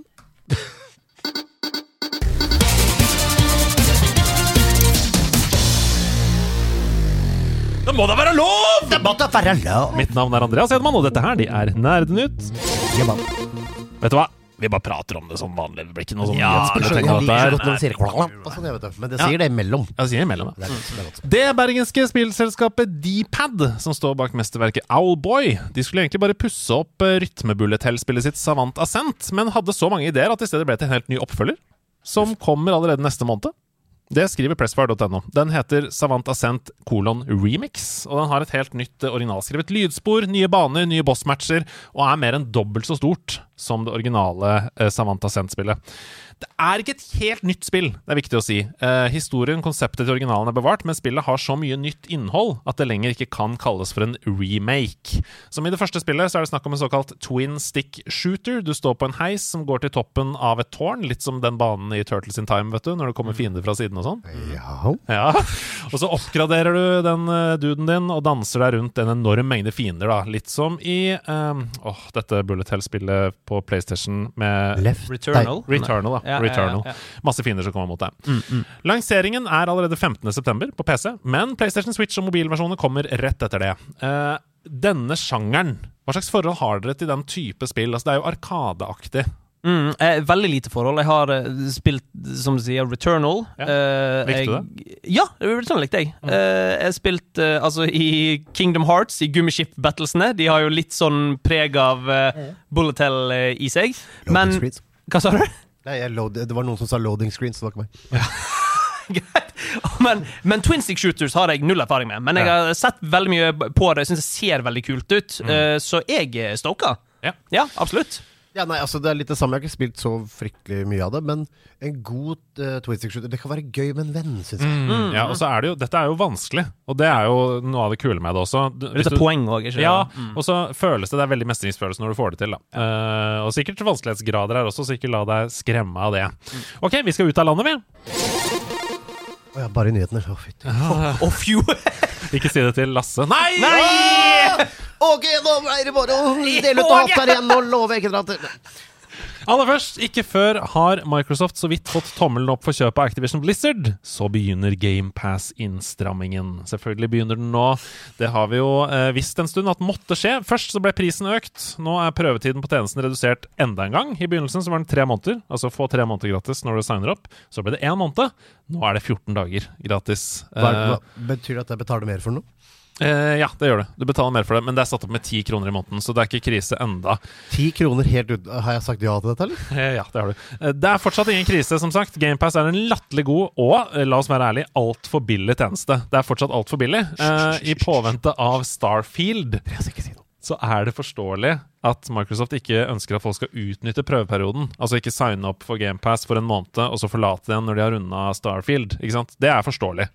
Men dette her er en litt interessant diskusjon. Det er mange argumenter på hver side av dette bordet. For det første, GamePass, la oss være helt, helt ærlige, det er ikke økonomisk bærekraftig i skrivende stund. Det har flere bransjeaktører innrømma, uh, uavhengig av hva Microsoft sier selv. De sier at det er det. Det er ikke det. De tjener ikke penger på det. Eh, det sier sjefene for store spillstudier som har spill på GamePass. Men de selger, de selger vel hardware med tap i utgangspunktet? gjør de ikke? Ja, de gjør jo det. Så dette handler om det samme som eh, Netflix-modellen. Få en stor brukerbase inn, og så begynne å skvise. Det er det eneste det, det, Vi kan ikke si noe annet enn det. Men så prisen må opp på et tidspunkt, for de tjener ikke nok penger. Hva er dere villige til å betale for GamePass? Altså, husk at det kommer store spill her hver måned. Hva, hva, det, hva betaler jeg nå? 119, tror jeg, i måneden. Eller 129, hvis du har Ultimate eller et eller annet sånt. Ja, det er rundt det der. det- så- Eh, La meg sjekke det, så vi ikke sier noe feil her. Jeg kan, jeg kan begynne å si noe som jeg føler jeg er litt sånn i minoriteten eh, av. Og, men kanskje er noen der ute som deler denne tankerekken med meg og tenker å, det var digg at noen sa noe der. Jeg, jeg er ikke for eh, GamePass. Ikke jeg heller! Nei, men det er ikke nødvendigvis av det økonomiske. Nei. Eh, det er av at jeg liker ikke å ha eh, tilgang til så mange spill. Okay. Jeg liker ikke å ha tilgang til uendelig mye spill. Jeg liker å kjøpe et spill til 700 kroner. Ja. Som gjør, jo, jo, men, Jo, jo, som, det, hører som det, gjør at det på en måte tvinger meg til å faktisk spille igjen det. Når jeg laster ned et spill PlayStation Plus jeg får hver måned, da er terskelen for å slå det av mye. Altså, fucking, jeg umiddelbart jeg kan slå det av hvis jeg ikke liker det. Har jeg brukt 700 kroner på det, så får den mye mer av oppmerksomheten min. Og da kommer man ofte over den totimers-barrieren som er i nesten alle spill. Ja. Nesten alle spill er kjedelig det første timen, Det er og så det. setter det seg. Og når du har uendelige spill å ta i bruk, da tror jeg Jeg jeg er i hvert fall redd for at folk på en måte ikke respekterer spillmediet som de kunne, da. På en måte. Ja, altså, det, jeg, jeg, altså, jeg er helt enig. Jeg er egentlig ikke heller noe for den Spotify-metoden på alt. Det å Nei. lage en, en plattform som bare kupper det. Men mm, altså, når det enda er sånn, så er jo dette absolutt den beste, eh, beste, det beste Ja. tilbudet. Men jeg er helt Ja, ja, enig med deg. Altså, mm. det er jo som før i tida, når du kjøpte deg en vinyl på, på gamle Akersmek. Ja, ja, det er. Da var det klart å lytte på mer enn to spor. Det er sant, det, altså. Har jo faen meg skje- Nå røyk nåla her, så jeg skal bare bort over. Nei, men det er sant, det. Det koster 139 i måneden. Jeg fikk sjekka det nå. Det er så billig, det. Det altså, er så billig. Selvfølgelig er det det. Kjempebillig. Starfield, altså Triple A-spill, jeg har jobba med det i ti år. Er Mer enn det. Det, det sier det en, en, en IP in the making i 20 år, eller noe sånt, sier de.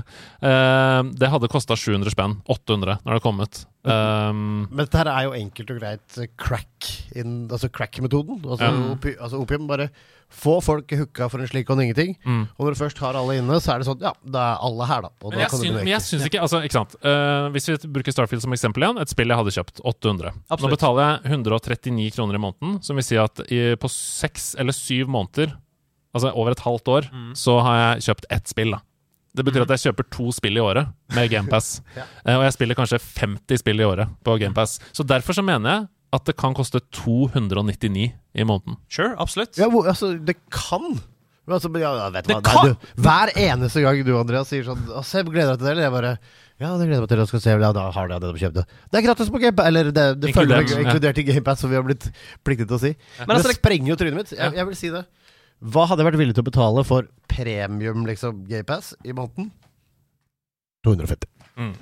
Men i teorien så kunne det vært prisen av et stort Triple A-spill, for det er det du får med GamePass. Du får til og med mer, og du får flere Triple A-spill i eh, GamePass. Og i teorien kunne det jo kostet eh, 700 kroner i måneden. Jeg skjønner det høres helt sinnssykt ut, men det, men det kunne jo egentlig gjort det, fordi at du Men får jo så mister- mye mer. Men da mister du mange, for det er veldig mange som ikke kan kjøpe spill i måneden. Ja, ja, ja. Ja, det er sant. det er sant jeg, ja, jeg, tror, selvfølgelig er jeg tror 299 eh, mener jeg da på en måte Tror jeg Jeg tror det er bærekraftig for spillbransjen også. Shit, vet du hva? Du er helt veldig kokke med å si et spill Det er veldig mange som ikke kan bruke 700 kroner i måneden på et spill. Jeg anerkjenner det. Det var ikke Men, men, men meningen. vet, du hva, vet vet, hva, det er Jeg- én ting er sikkert. Mr. Moneybags Ja. over here. Jeg beklager, Mr. Moneybags er borte.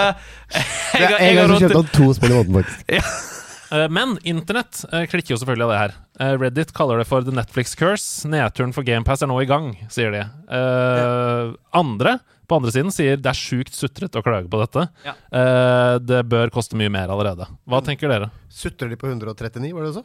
Ja, det Nei, ja, de, de sutrer på at, på at prøveperioden blir kortere, og at prisen går litt opp og sånn. Det, det syns folk er Ja, men da eh, får, vi ikke, da får vi ikke vi spill, da! Hvis ikke det kommer nok penger inn, så får ikke vi spill! Ja. Da får ikke utviklere lagd spill! Så Mm. gi penger, sånn at de kan lage spill! Ja, og så Ja, nei, ja, vet du hva jeg, vet du hva, De trenger ikke- penger for å lage spill! Så enkelt er det. Jeg kommer ikke til å klare å hisse meg nok opp. Nei, Altså, for det der er Jeg er helt enig. Jeg hiver ja, meg på. ja. Jeg er litt bekymra for at Microsoft har skutt eh, hele bransjen i foten. Det er bare Ja. det jeg er litt bekymra for. Ja, ja, ja. At de nå har uh, sørget for egenhendig at det ikke fins betalingsvillig for spill lenger. Mm. Uh, og at det fører til at uh, folk ser et spill som koster 499, og så er det sånn Nei, det gidder jeg ikke å kjøpe. Men, Ja. Men har man altså, Det tror jeg man kan motbevise. Hvis noen tør, da. Altså, lag altså, Hva er det? Build it and they will come. Er det mm. det de sier? Ja. ja. La dem spise kake, er ikke det de sier? Det var Maria Antoinette. Det var litt seinere på kvelden der, og så har hun egentlig aldri sagt det, men du veit hvor gild... Helt til slutt, hvor fort tror du dette kommer til å gå framover? Altså prisøkning, eh, når, når koster Altså Fort. Ja, du tror det? Ja. Ja. Ja, så kommer det på når alle er avhengig av crack, så er det klart du kan sette opp prisen. Ja. Vi får se hvordan det går. Vi skal følge situasjonen nøye, i hvert fall. THQ Nordic har avduka et nytt South Park-spill. Som kalles Snow Day. Det skriver gamer.no. Eh, Spillet skiller seg fra rollespillene, som serien har blitt kjent for i nyere tid. Er i stedet et coop-spill i 3D. Det tar for seg det amerikanske fenomenet Snow Day, der hvor skolene stenges fordi det snør for mye. ja. og er et coop beat em up-spill, ser det ut til, da. Jeg skjønner ikke så mye ut fra den traileren. Hvor du sammen skal fighte deg gjennom kaos i gatene. Eh, Cartman står oppå en sånn snøhaug der og sier sånn It's Snow Day! The best of all days! Sånn. Så, um, Ja, ja, ja. det er verdt å nevne at det er ikke Ubisoft som står på utviklinga denne gangen. Eh, I stedet så har Matt Stone og Trey Parker slått seg sammen med relativt ukjente Question Games. Og det ser man dessverre litt på grafikken, skal vi dømme etter den første traileren. Det ser veldig ut som det der snøball-South Park-spillet til PlayStation 1. Ja, Ja, Ja, med, med kalkunene der, ja. ja riktig, riktig. ja. det Men, det. men ser dette Jeg har faktisk ikke fått med dette, men Nei, nei. dette er en sidescrolling Nei, Nei, det det var er 3D. 3D. 3D. Og online. Men, Så enten så er det liksom to lag som Overwatch, bare i South Park, at du skal blæse de andre på en Snowday-arena, liksom. Det kan hende. Litt sånn som det Final Fantasy-spillet som ikke har noe som helst med det, eh, det Ja, malingsspillet å gjøre. Dissidia Nei. Ja, jeg skjønner hva du mener. Du hva jeg uh, ja. Eh, Jeg, jeg, jeg er skeptisk fordi jeg syns det så clunky ut. Jeg syns ikke animasjonene så så smooth ut, og sånn Sånn som de gjør i uh, The Fracture But Hall, for eksempel. South Park ser ikke bra ut i 3D. Nei, Det det ser ikke det. dårlig ut i 3D. Det er ikke lagd for 3D. Det er lagd for paper cut-figurer. Ja. Det er ikke lagd for å være i 3D. Det ser dårlig ut. Bortsett fra South Park Racer, det er en perle. Selvfølgelig! altså South Park Race, altså, så Ja, klart! det er ikke det vi snakker om her. Nei, nei, nei, så klart. Men jeg, må, jeg, altså, jeg kan ikke uttale meg, men det føles litt cash grabbed ut, eller? Ja, vi får se. Mm. Eh, nå er det jo eh, offisielt. altså Trey Parker og Matt Stone er med på dette. Og de Ok, vil jo ja. ikke lage noe som er dritt. Så Nei. vi får bare se hva som skjer uansett. Det kommer i 2024. På PC, PS5, Xbox XOS og Switch. Altså alle konsoller og en PC. Ja. Det har lenge gått rykter om at en ny PlayStation 5-modell er på vei, og det er ikke så rart med tanke på at alle PlayStation-generasjoner har fått varianter av konsollen, i eksempelvis Slim og Pro. Denne gangen skal det være snakk om verken en Pro eller Slim, men i stedet en slags hybrid som slår sammen dagens to konsoller. Det skriver pressfire.no. Eh, den nye konsollen er en versjon med monterbart diskdrev. Altså en PlayStation 5 uten diskdrev, der du i stedet kan kjøpe diskdrev som Altså, ekstrautstyr. bare, vet du hva, Andreas? Jeg må avbryte her. Ja. Fuck you, PlayStation. Altså, jeg er glad i dere, ass. Men dere, altså, dere kan ikke ha lagd tolv PlayStation 5, og så komme og bare Nå holder vi og planlegger ny. Vet du hva? Prøv å lage mer enn 16, og så skal vi snakkes. Har de nå funnet opp en ny PlayStation allerede? De har ikke klart å levere til halvparten av de som vil ha. Alle sitter bare «Ja, PlayStation 5! Ja. Hvorfor skal du lage ny? Nei, det er, eh, altså, du Nå kan kjøper du da ta av disk. Ja, du kjøper disken som ekstrautstyr, og så monterer du på konsollen. Hvorfor det? Ja, det er mitt spørsmål. nemlig. Å, men de kan og det som er du kjøper den, og du kommer Og det er kjempelang ventetid på det diskdrevet. Det er sånn du bestiller PlayStation, og det tar- det tar tolv år! Og, så, og det er hver gang noen får PlayStation sin, så er det alltid ny. Dette er det dummeste jeg har hørt. På bildene og videoen som er lekka, så ser vi at plastikken på den nye konsollen er delt i to på tvers. Så det er en sånn svart strek på det hvite. Sånn at du kan plukke den fra hverandre og montere på av diskdrev. Eh, Hvorfor det? Diskdrev! Det er sånn Nå kan spille CD, og nå kan den ikke. Hvorfor det? jeg vet ikke. Hvorfor? Ja, Derfor det skjønner ikke jeg. Jeg tenkte sånn, Hvis det er voldsomt mye lettere, eksempel, sånn at du kan ta med på hytta, eller sånn, kanskje en fusjon. Men angivelig så er den ca. 5 cm kortere enn dagens versjon. Følger den dumme kontrollen så du kan spille sånn Switch, bare Nei. ikke. Nei. Ok, fordi det beste er at vet du hva, under juletrærne i år så kommer det til å ligge mange diskdrev som venter på PlayStation. Vi vet ingenting om Specs. Vi vet ikke om den er oppgradert fra Helt- PS5. Jeg tipper den er identisk. Ja. Ja. Men hva er det her? Nei, nei, det, Ønsker man seg det? Nei, på ingen måte. Det, det er virkelig med. Og den, jeg har sett den videoen. Den er jo stygg også. Ja. Det ser jo helt utrolig stygt ut. Dette, dette føles ut som når Sega lagde en add-on hvor du stikker på sånn CD på toppen. Ja, ja, ja, riktig. Ja, nei, det gir virkelig ingen mening. Nei, det er ingen mening, og det som er problemet designmessig også, det er at PlayStation 5 er jo veldig stilren og pen. Men med det nye bruddet i plastikken, så er den jo, den blir jo styggere i den nye versjonen. Jeg føler folk Jeg føler at de må ha nok tiltro til folk at de kan klare å bestemme seg om vil du ha disk eller vil du ikke Ja, ha enig. disk på din Enig. PlayStation Jeg tror, 5. jeg tror PlayStation egentlig må stille seg spørsmålet aller først. Vil du ha PlayStation 5? Nei, vi har ikke. Nei, det er sant. Nei, ja, ja, ja. Reddit-brukeren med det passende nikket Sneaky Mofo kom denne uka over en artig opplysning. Eh, vedkommende har oppdaget at stemmeskuespiller Angie Jolie nå har oppført på IMDb at hun har jobba med å legge stemme til en spillfigur kalt Ayumi, og klart også å skrive hvilken produksjon det gjelder på IMDb. Borderlands 4. Borderlands 4. Dette har selvfølgelig satt fyr på internett. De har googla seg fram til profilen til en annen spesialeffektarbeider som heter Nadia, som på sin LinkedIn-profil har oppført at hun også har jobbet på et spill som heter Borderlands 4. Der står det også 2023 som release date. I min bok så er det fullstendig usannsynlig. Det var nok sannsynligvis for lenge siden, da de bare satte seg en sånn merke på ish. Det kommer nok ikke før 2024. Vi vet ikke noe om dette, her, annet enn at det er jo veldig sannsynlig at de jobber med en oppfølger. Det er jo en av de største IP-ene til Gearbox. Um, er det noen som har hypa? Hva trenger Gearbox å gjøre denne gangen for å, for å lage et Borderlands-spill som dere har lyst til å spille? Jeg tenker at Jeg spilte det ikke, men det er Wonderlands Ja. var meget appellerende for meg. Jeg likte det veldig godt. Ja, jeg tror jeg, Altså, Gearbox har jo den der cell-shaded first person looter shooter. Den har de. Jeg tror ikke vi trenger mer Borderlands. Det hadde vært gøyere hvis de køddet og, og lekte med flere sjangere, som de gjør i Wonderlands, Ja. istedenfor å lage flere border, straight up Borderlands-spill. Ja. For det er tre av de. Jeg spilte Borderlands 3. Ja, men det fins altså 700 Fifa-spill, da, på en måte. Ja, men de trenger ikke jo- trenger ikke lage nye Fifa-spill heller, Andreas! det er ikke sånn at Å, faen, ja, det er sant! Ok, godt poeng. Men altså, hvordan skal EA tjene penger, da? Nei, ja, altså, det er godt poeng. Jeg håper, samme som du sier, altså jeg håper ikke det blir like nisjete som, eh, som eh, Wonderlands. Wonderlands, ja. For det syns jeg er det sånn gøy som kommer sånn imellom. Jeg håper det blir en frittsom tittel, men for eksempel tenk om du har en, sånn- en sjørøverskute, eller Ja, liksom, ja, ja, ja, ja. litt sånn mer overworld. Altså, jeg håper at de utvikler det. Det holder ikke med Borderlands 4 i Borderlands 3 nå, syns jeg. Nei, det er litt enig. Og så vil jeg tilbake til Jeg syns ikke Altså, det er mange som spilte det jeg opplever med Borderlands-serien, er at mange som spiller et spill for første gang, enten det er én eller to eller tre, det blir deres favorittspill. Ja. Og så er alle andre ikke det de liksom Fordi det er mer av det samme. For meg så er Borderlands 2 det beste som har kommet. Ja. Og det er fordi jeg syns historien var veldig bra. Jeg ble dratt rundt omkring på Pandora og ble liksom overraska over miljøene. Jeg syns bad guysene rundt omkring var kule. Jeg syns mine medkarakterer, sånn som Tiny Tina, første gang vi møtte henne, var dritkul. Eh, Handsome Jack, en av de beste skurkene som er lagd. Borderlands 3, også gøy, men de to tvillingene var ikke bra nok bad guys, liksom. Og, og historien litt lackluster. Dessuten altfor mange legendary våpen. Det føltes ikke som noe digg å få et legendary våpen. Det var bare sånn Å ja, her er nok et gullvåpen. Det ligger 17 der borte. Ja. Det, jeg husker vi spilte det sånn til slutt, når vi kunne stå high level og bare bruke legendary weapon gun. Til å skyte andre legendary weapon jeg guns skulle, jeg, skulle, ut av ja, jeg skulle, skulle hente inn Øyvind Lind. Og han bare 'Å, jeg gleder meg til å spille dette spillet'. Ja. Og vi bare 'Her er alt du trenger noen gang!' ja, han bare, Å ja, så da har jeg ingen grunn til å spille det lenger, da, for nå har jeg fått alt jeg trenger. Ja, for det er litt sånn Hvis du liksom får, for å sitere South Park, 'The sword of a thousand truths' 38 ganger på halvtimen, så er det Ja. klart. Det er ikke bra. Nei, så jeg er enig. Ta så Skru ned det spawnen av weapons. En sterkere historie. Eh, og så gjør det enda kulere å spille sammen med venner. Det er liksom Det er eh, alfa og omega for Borderlands, syns jeg. da Mm.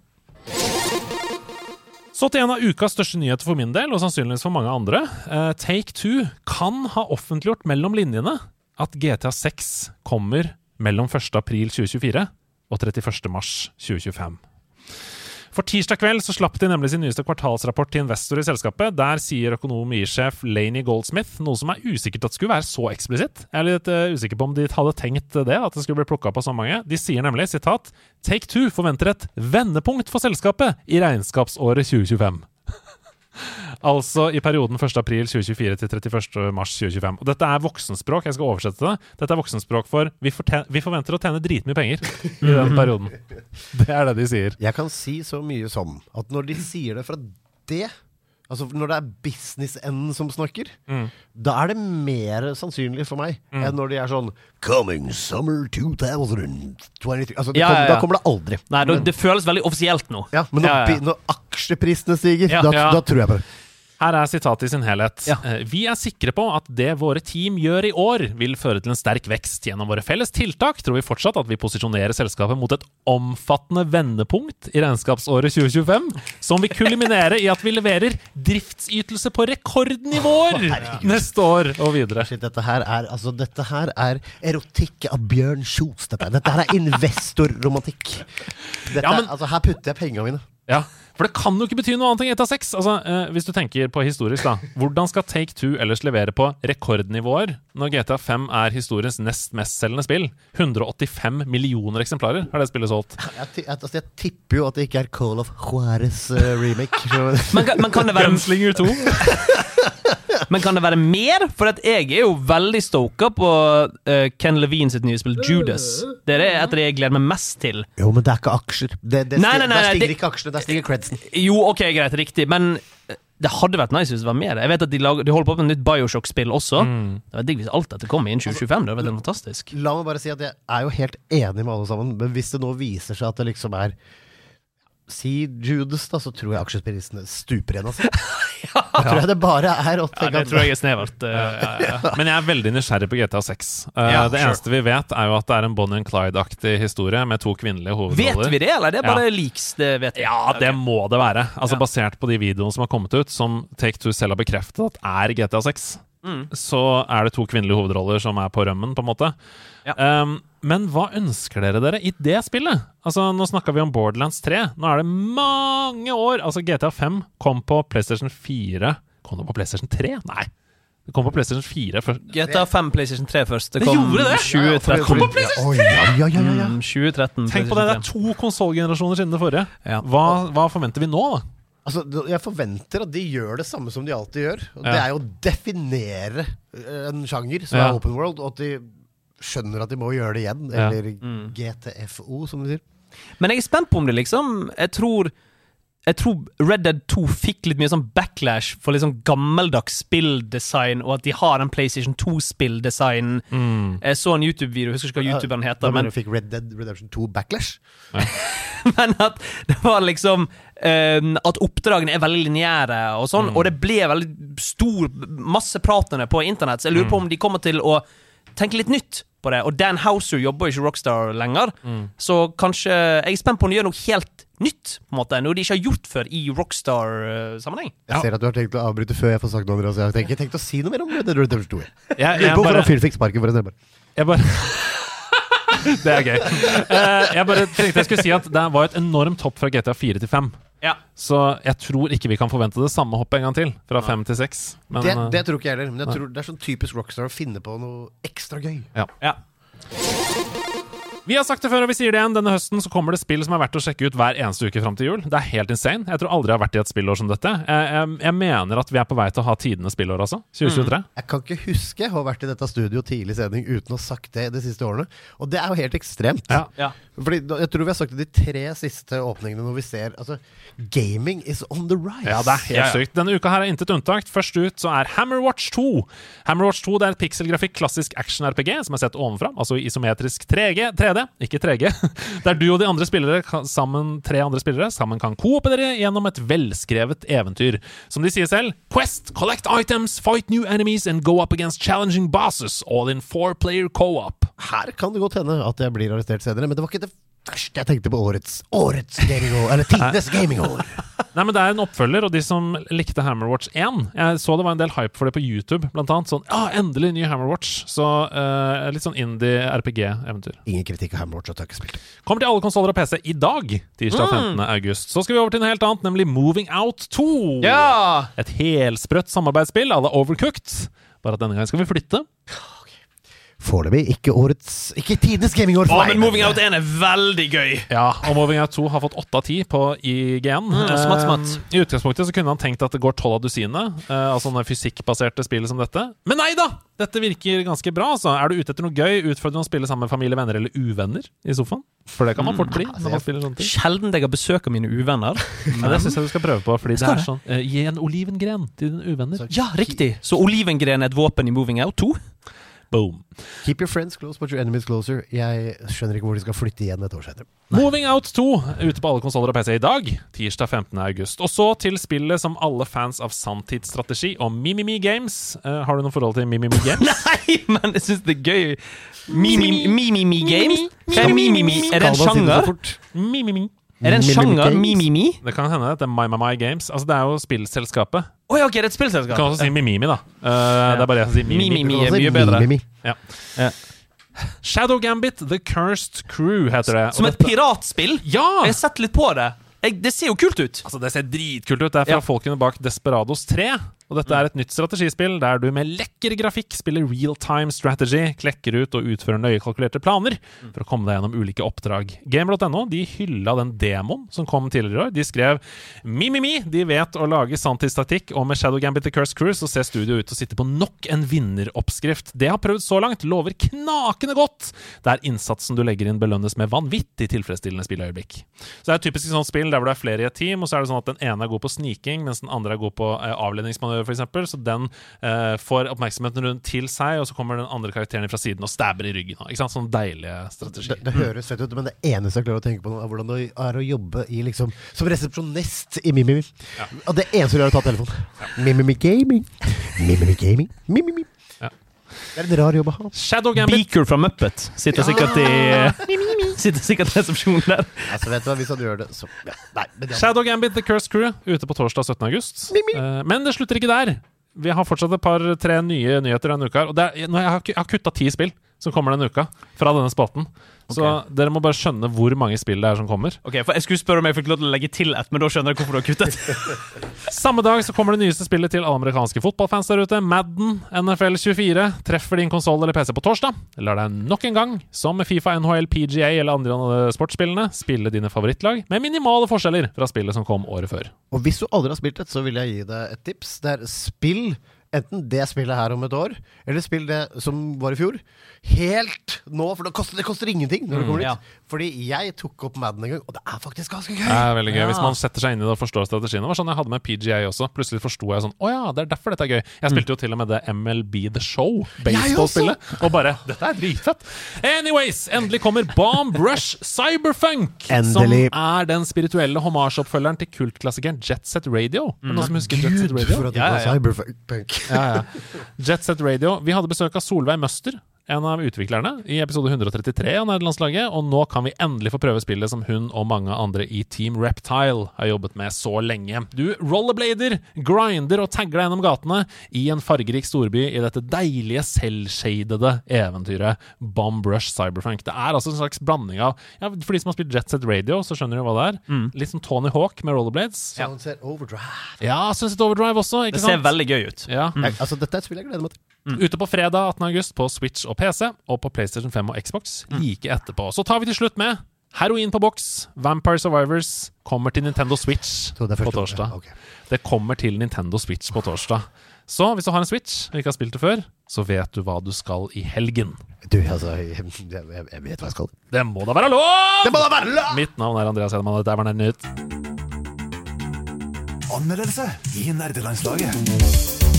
Det stemmer. Ida har anmeldt Disney Illusion Island, dette Metroidvania-spillet, som mange trodde kanskje skulle være et plattformspill. Vel, tro igjen, min venn!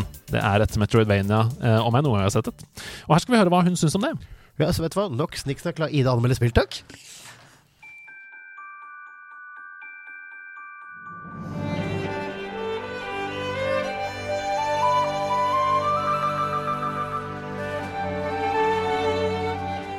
Jeg har stått på scenen på The Gathering og ropt 'hype' i vente på dette spillet. Så man kan vel trygt anslå at mine forventninger de har vært ganske store. Dette er et spill som jeg trodde kanskje skulle treffe midt i min blink. Et 2D sidescroller med Mickey i bresjen. Jeg drømmer jo med en gang om et slags Mickey's Wild Adventure 2, mitt yndlingsspill fra PlayStation 1. I tillegg er det Coach Coop. Det er jo min absolutte foretrukne spillmodus. Dette er oppskriften på gull. The gang's all here! I sure am glad you sent this map, or I'd never found the place. It ain't on my GPS. Goofy positioning system. Men først, hva er Disney Illusion Island? I Disney Illusion Island har den ikoniske vennegjengen bestående av Mikke, Minnie, Donald og Langbein blitt invitert på noen nydelige pikniker på øya Monmouth. Der møter de noen små, søte vesener, Hokens, som trenger hjelp fra noen ekte helter, nemlig Mikke og venner. De setter ut på en farlig reise gjennom forskjellige biomer, altså noen slags økosystemer, for å finne magiske artefakter. Det er en klassisk eh, heltedåd i aksjon. Eller er det det? På denne reisen kan du velge hvem av figurene du vil spille. Jeg valgte Mini, og min player 2 valgte Mikke. Alle karakterene har de samme evnene, og du kan justere vanskelighetsgraden ved å velge antall maks liv. Jeg valgte to liv, som ifølge spillet selv skal være en balansert spillopplevelse.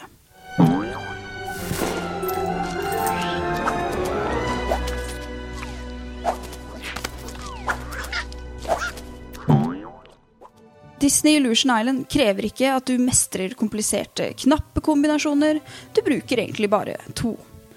Forskjellige fargerike mobs må unngås med hopping eller ved å dukke, og etter hvert som man har eh, progresjon i spillet, får du nye evner som gir deg tilgang til nye områder. Underveis havner man i noen bossfights, der man må i kjent stil lese sin motstander og utnytte deres svakhet på riktig tidspunkt. Du kan bruke kartet for å orientere deg i en eh, noe kaotisk verden, der man bl.a. kan samle noe, an- eh, noen ja, Mickey memorabilia og noe glimt så litt diverse. Så for den som er completionist, så er det litt eh, snadder her. Men hva syns jeg egentlig om Disney Illusion Island? Traff det blinken som jeg trodde den skulle treffe? Altså, dette spillet er ikke noe Mickey's Wild Adventure 2. Ikke i nærheten. Det har en herlig humor som kommer fram både i uh, cutscenes, i karakterer og i lydeffekter.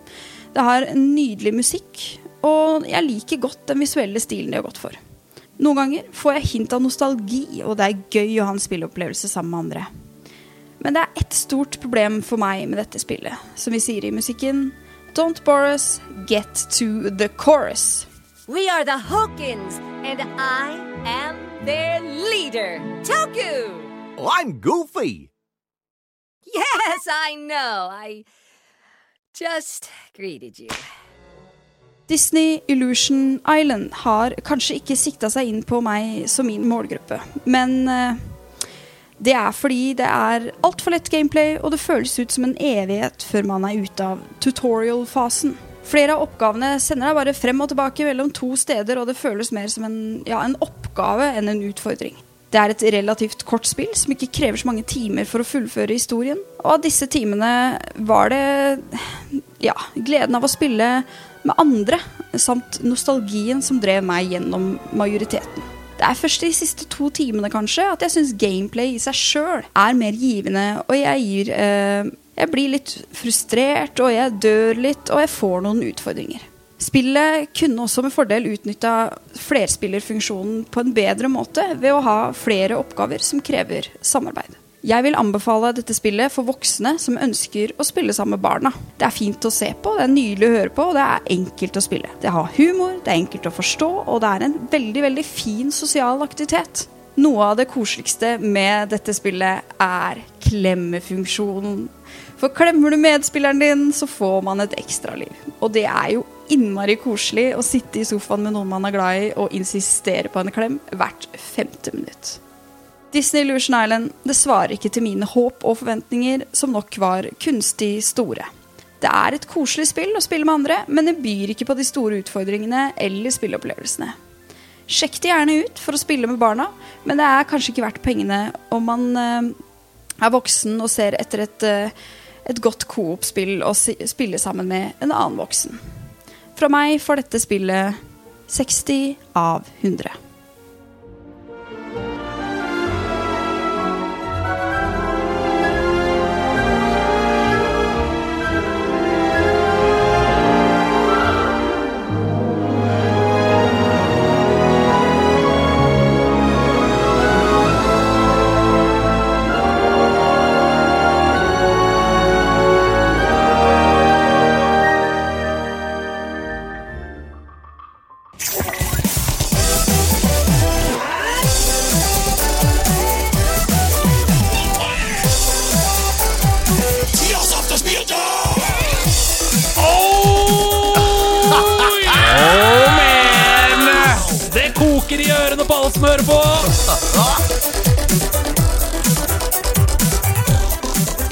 vi skal spille Tears of the Spieldom! Det er helt fantastisk. Det er altså, altså, altså Under utvikling, når Tears of the Spieldom ble uttalt, så visste alle, helt uten å skjønne helt hva det betydde, at dette var tittelen. I Tears of the Spieldom så skal vi fram til ett spesifikt år i verdenshistorien. Og måten å komme fram til det på er at dere får tre hint, altså i tre forskjellige tears, som på ulikt vis tar dere nærmere riktig år dere skal samarbeide her. Ja. Det kan være lydklipp dere får, det kan være en stor hendelse fra det året dere får, det kan være et konkret spill som kom ut det året.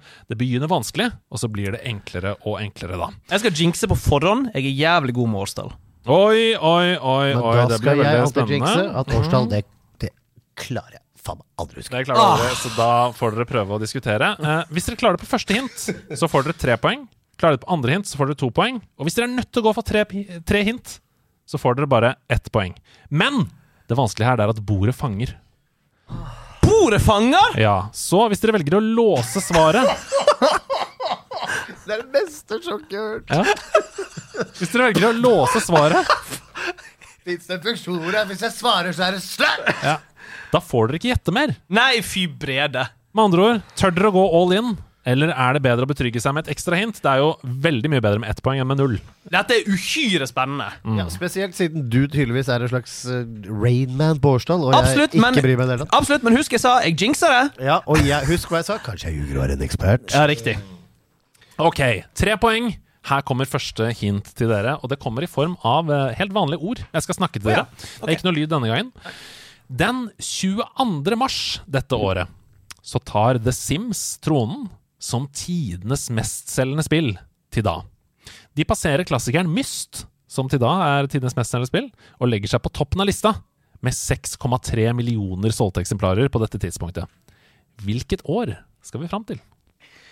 Ok, så Sebastian, vet du når The Sims kom ut? Det første The Sims. Jeg sitter og tenker altså, vi, vi skal, skal, Ja, Er vi på lag? Vi kan ikke sitte og tenke i stillhet. skulle! Nei, nei, vi er, på, vi er på på lag! vi er på lag Jeg har jo misforstått he Altså, Tears of the Spiel, de er for venner og bekjente! Jeg satt og tenkte at jeg gikk på ungdomsskolen når det kom. jeg. Ja. Ja. Jeg, tror, jeg, tror, jeg tror det kom ut i 1999. Det var akkurat det jeg tenkte på. Riktig. Ja, fordi Lufen, shout-out til deg, fra Nordstrand. Uh, Ja. Lomsdalen, som han egentlig kalles. Lufen, blant annet. Ja, Fortsett med dette. Ja, han hadde det på PC, husker jeg. Og vi spilte det. Ja. Rosebud og hele pakka. Ja, ja, ja. Det var, jeg er ganske sikker på, før Tradesenteret falt, i hvert fall. Men hvis det var mestselgende spill, kan det ha vært et år etterpå. Typ sånn, Kan det være snakk om 2000? Ah, det trengte liksom litt opplag, ja. Ja. Fordi 2000 eller 1999. Jeg, jeg, er på, jeg er på 1999 og 2000. En av de to. Men så må du huske når bordet fanger. Absolutt er absolutt bordefanger. Jeg er ikke confident nok til at vi skal gå for en av de med en gang. Jeg ville gått for 1999, ass. Fordi det var det første jeg tenkte på. Eller, eller 2000. Men skal, 1999. men skal men, to, 1999. ja, men to sekunder, to sekunder. Jeg bare lurer på Skal vi få eh, hint to Det er før lurt, vi å, låser, lurt å gå låser for et svaret? hint til, altså, før dere Ikke, ba, låser ikke svaret. ba, bare for eh, Men fordi at det er kanskje litt gøyere å høre på også. Altså, nei, nei, men det må jeg også si at uh, De som hører på hjemme, får hintene uansett. Så Aha. da må dere sitte og rive dere i håret og tenke sånn Å nei! Okay, okay. okay, ok, Vi har peila oss inn på toåret. Altså, Ja. eh, på, på, Det er 1999 eller Vi tar 2000. et hint til, vi. Ta det tar et hint til. Yes. Ja. For to poeng. Her kommer hint Ja. nummer to. Ja. Greit. OK, vi er off-mann. Hæ? 7-8-tallet, eller? 7-8? Ja, 1907 Nei, det er 1997-8 Dette er jo Kingdom Hearts. Ja. Oi, vi, ja, det er vi ja. Dette er, dette er Daryl Beloved fra Kingdom Hearts. Kingdom Hearts 1 kom ut 2001. ja, og da er vi på Tradesenteret. Det var det. Vet du hva? Vet du hva? Jeg er enig. Kingdom Hearts kom ut 11. september 2001. Nei, nei, det. Jo, det kom. Jo, Jo, men vet du hva? Ut av røyken når det falt. Kom. Det er for morbid. Det er for morbid. Vi lyser. Vet Disney og Nå er det så lenge siden at det er morsomt igjen å tulle med. Ok, men, jeg, okay. Så, men dette gir mening, for dette kan gi mening at The Sims kom ut i 2000, som betyr at du salgstallene året etterpå 2001. For jeg er ganske sikker på at Kingdom Hearts kom ut i 2001. Jeg vet at det er innenfor de tre årene, fordi jeg vet at jeg gikk på ungdomsskolen når det Ja, kom. Og jeg vet at når Tradesenteret falt, gikk jeg på ungdomsskolen. Det er det eneste jeg vet. Du er god Ja. på år. Ja, og, og, jeg vet at Kingdom Hearts kom 2000 og ut du i sa 11. det kom- september. 2000.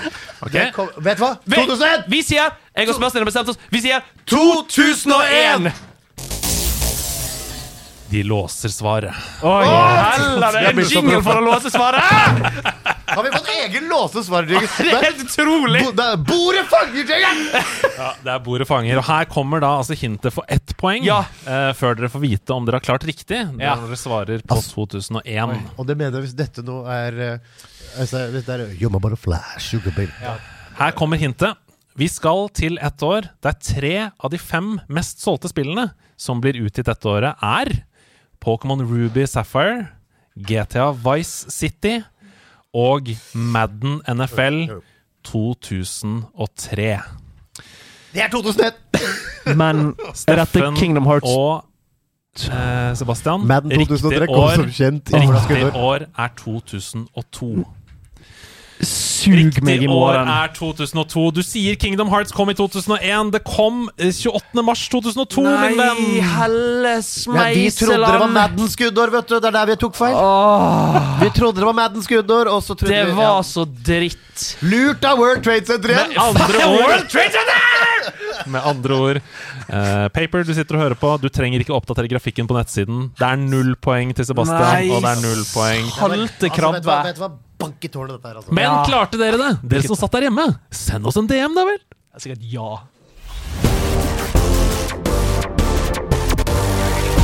De fire store.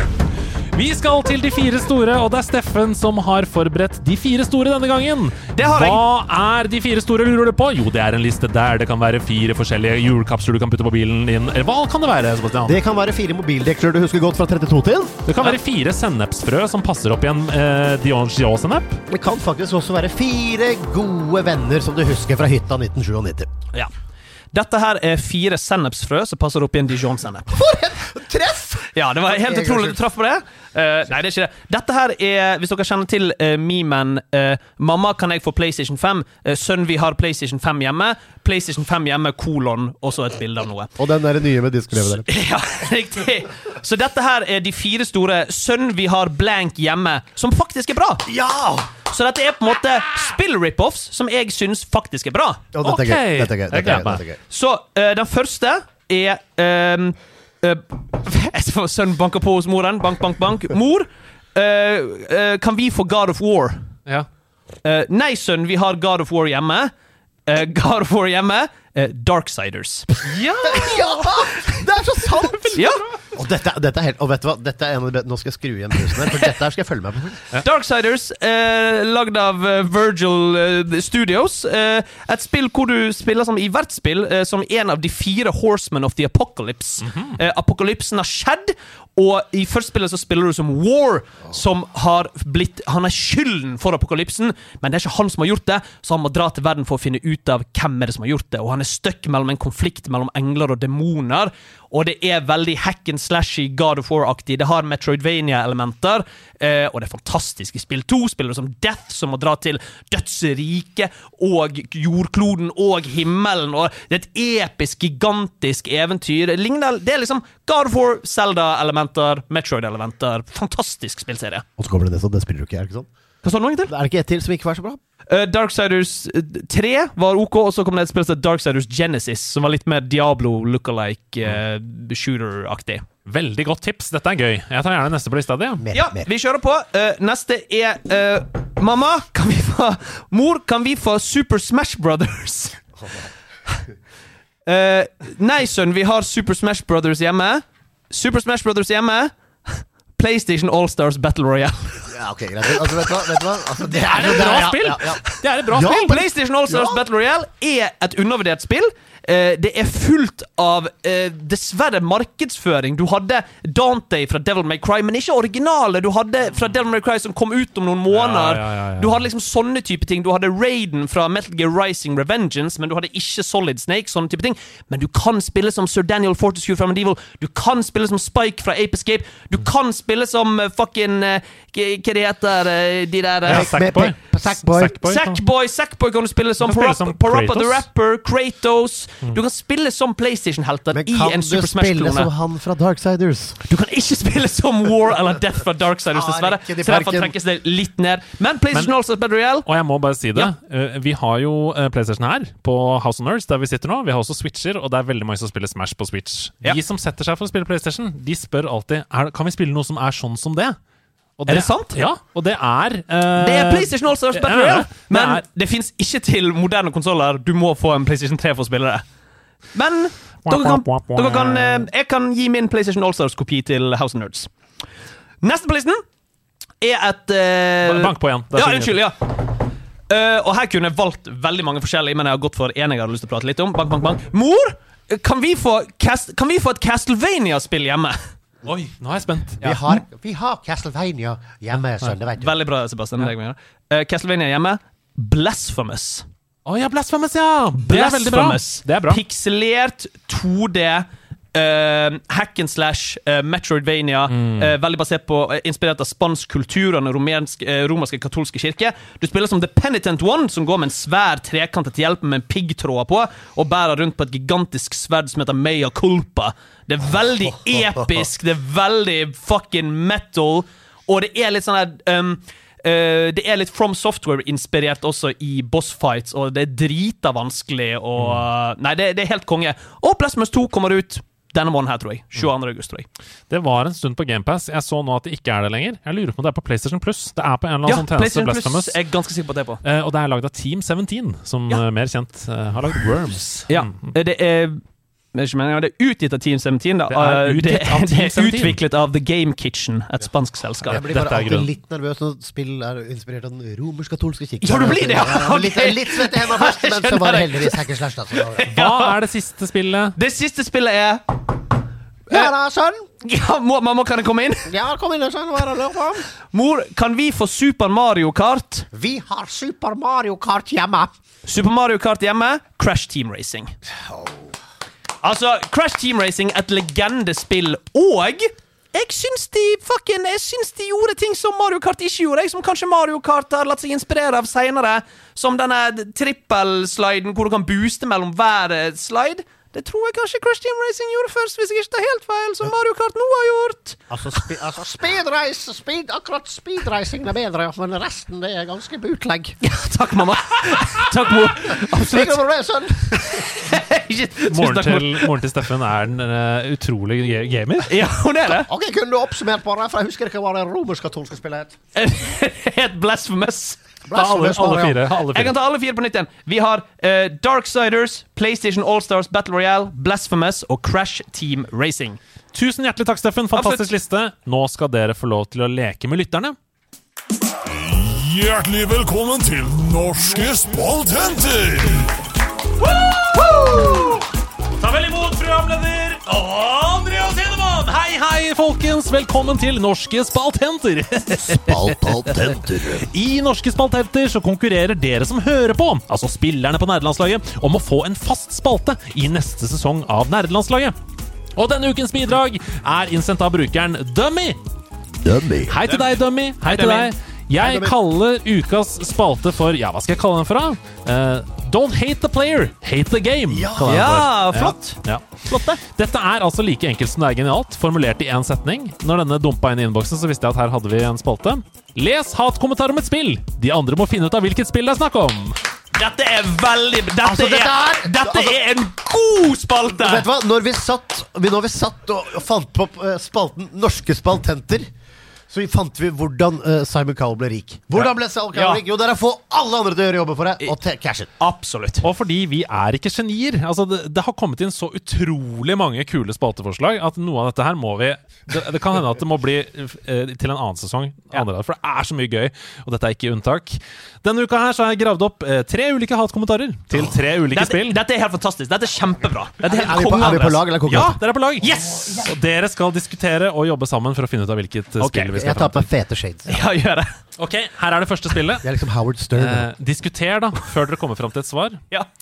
This is the modern day ET for the Atari. I got this for free and I want a refund.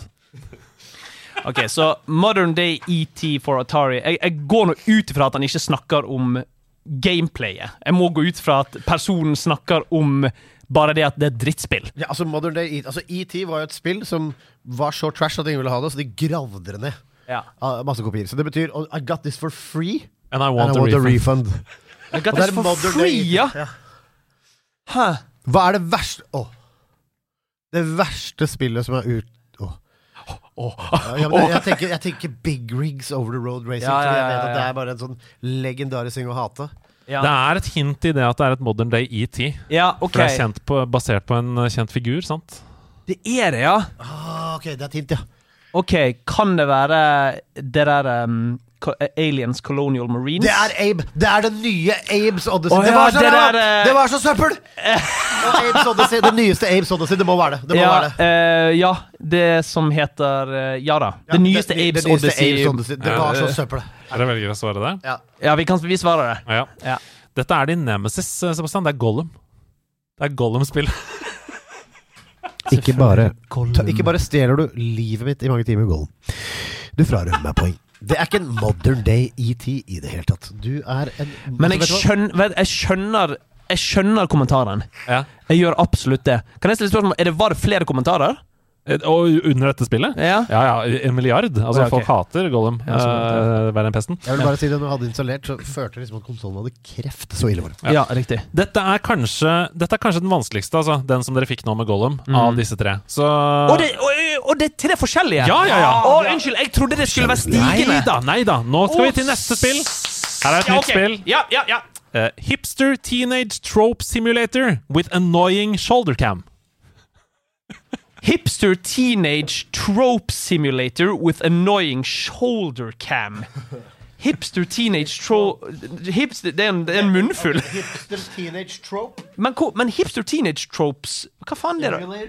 Men det er veldig, altså, vi må jo, jeg, jeg føler man umiddelbart må gå etter shoulder-kamera. Hallo. Det er ikke noe person... Nei. Eh, Du, kan det være et av de der Life is Strange-spillene? For de er vel Er ikke kamera Det er ikke lockdown, sant? Det er over skulderen? Jeg lurer på det. Ja. eh, Gå til mikken. Gå til Ja, mikken. jeg- Kan det være Red Dead Redemption 2? Hva, Sebastian? Et lite stikk der. men- Det kan det kunne faktisk være Men Hipster Teenage Trope uh, Simulator Å gud, så utrolig Jo, for det er simulatoren som gjør det. Er, det er ikke personer, liksom. Jo, personer er fanken meg ikke så dumt, altså. Er det så hipster, da? det er så jævlig bra spill. Ja, og er det så Ja. Kan jeg stille et spørsmål? Bare, uh, Unnskyld meg. Er spalten det at dette er dårlige spill? Nei. Nei, nei, nei, det er bare, Det er bare hatkommentarer på spill. Ok, ok. Det er litt digg å vite. Ok, uh, Hipster Teenage Trope Simulator, Over the Shoulder Hipster Teenage Nå må dere gå for noe. Ja, Hipster teenage vet du hva? Eh, vet du hva? Em, jeg, jeg har lyst til å gå for um, Jeg har lyst til å gå for et uh, Jeg har lyst til å gå for Resident Evil 4, jeg. Remake. På grunn av Leon er så edgy. Get in, ja, fordi han har, han har uh, Ja, han- Riktig, riktig. Ja, Han er litt edgy og ja. Dere surrer dere bort. Det er Ja. Life is Strange. Vi tar det poenget. Vet du hva, den tar vi. Andreas, bare hook altså, av at den tar vi. si Nei, han glemte å si borefanger! Han, han glemte å si bordfanger, så den, akkurat den tar vi. Eh, Life Strange. eh, er at vi sa det. Her er det siste spillet i, i spalten Don't hate the player, hate the game.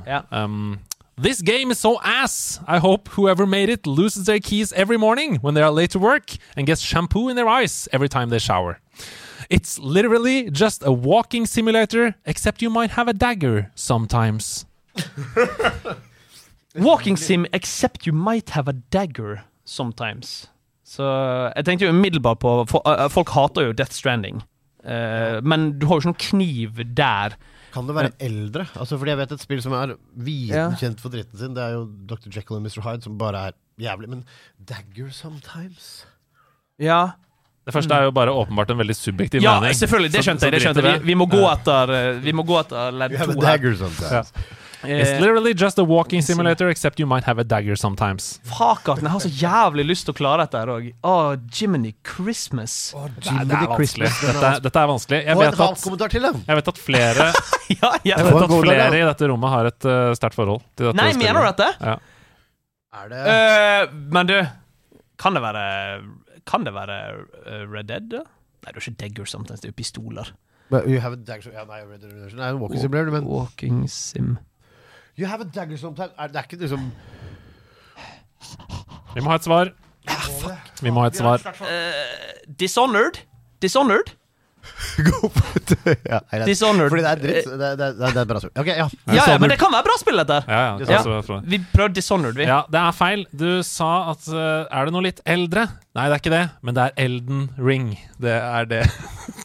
Nei, men Jeg tenker at altså, han kommentatoren der, vet du hva? Hate the player. Ja, If, vet du hva? That's the wrong game, altså. ja, ja. ja, ja. Men vi. Det er gjetta i chatten på Twitch! De ja, klarte vi, det! det, det, det, det, er umulig, det er umulig å fa det, At det kanskje faller meg og Sebastian inn å gjette Elden Ring på det, den kommentaren i det hele tatt. Men, Kritikk til Game Master Men, denne men dette er norske spaltenter, Ja. så vi må jo kommentere spaltene i seg selv. Ja. Spalten i seg selv. Fantastisk spalte! Ja. Av ti. Uironisk, helt kongespalte. ja, vet du, jeg elsker det. Ja. Veldig bra jobba, Dummy. Eh, takk for innsendingen. Dere fortsetter å sende inn helt fantastiske spalter. De neste ti episodene kommer til å bli dritgøy pga. dette. Eh, Mm. Tusen takk til dere, og tusen takk til dere som spilte norske spaltenter. Vi skal videre.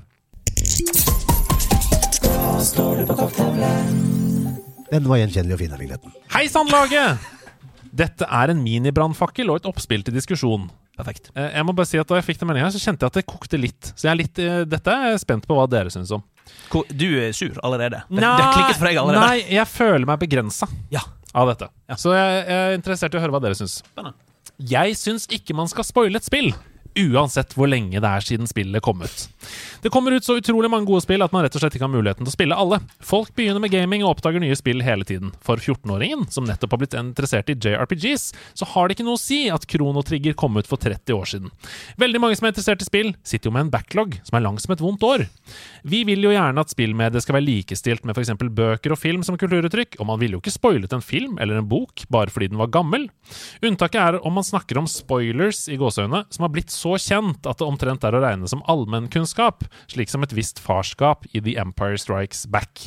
Jeg mener at en god regel er at når man snakker om spillet med noen som ikke har opplevd spillet, så holder man seg til det samme som en spillanmelder ville inkludert i anmeldelsen sin. Så kan man heller spare handling og mekanismer som spillskaperne har ment at spilleren skal oppleve selv, til et dypdykk, eller ha en skikkelig spoiler warning men det er ikke alltid så lett å være rask med å hoppe 30 sekunder fram i podkasten om du kjører bil eller er ute og jogger. Jeg ser fram til å høre deres refleksjoner om dette. Hilsen Shiny Boomer. Det du sier her, er jo på mange måter at du legger ned et forbud med å diskutere kulturinntrykk etter du har, eh, etter du har opplevd det. Det kan ikke jeg hjelpe deg med. Rett og slett ikke. Jeg kan ikke alltid ikke snakke om et spill, uansett hvor gammel det er. Det må være lov å snakke om inntrykket, Det må være lov å fortelle hva fortalte historien oss. Hva gjorde det? Og altså, Du sier at man ikke spoiler en film. Eller så, altså, man snakker om Citizen Kane, eksempel, i mange øyeblikk. Altså, T-rexen bryter seg ut i Jurassic Park. Jeg tror ikke noen blir forbanna av å høre det. Poenget her er at hvis du uh, er i liksom, moderne tid, og du snakker om et spill, så er jo det greit.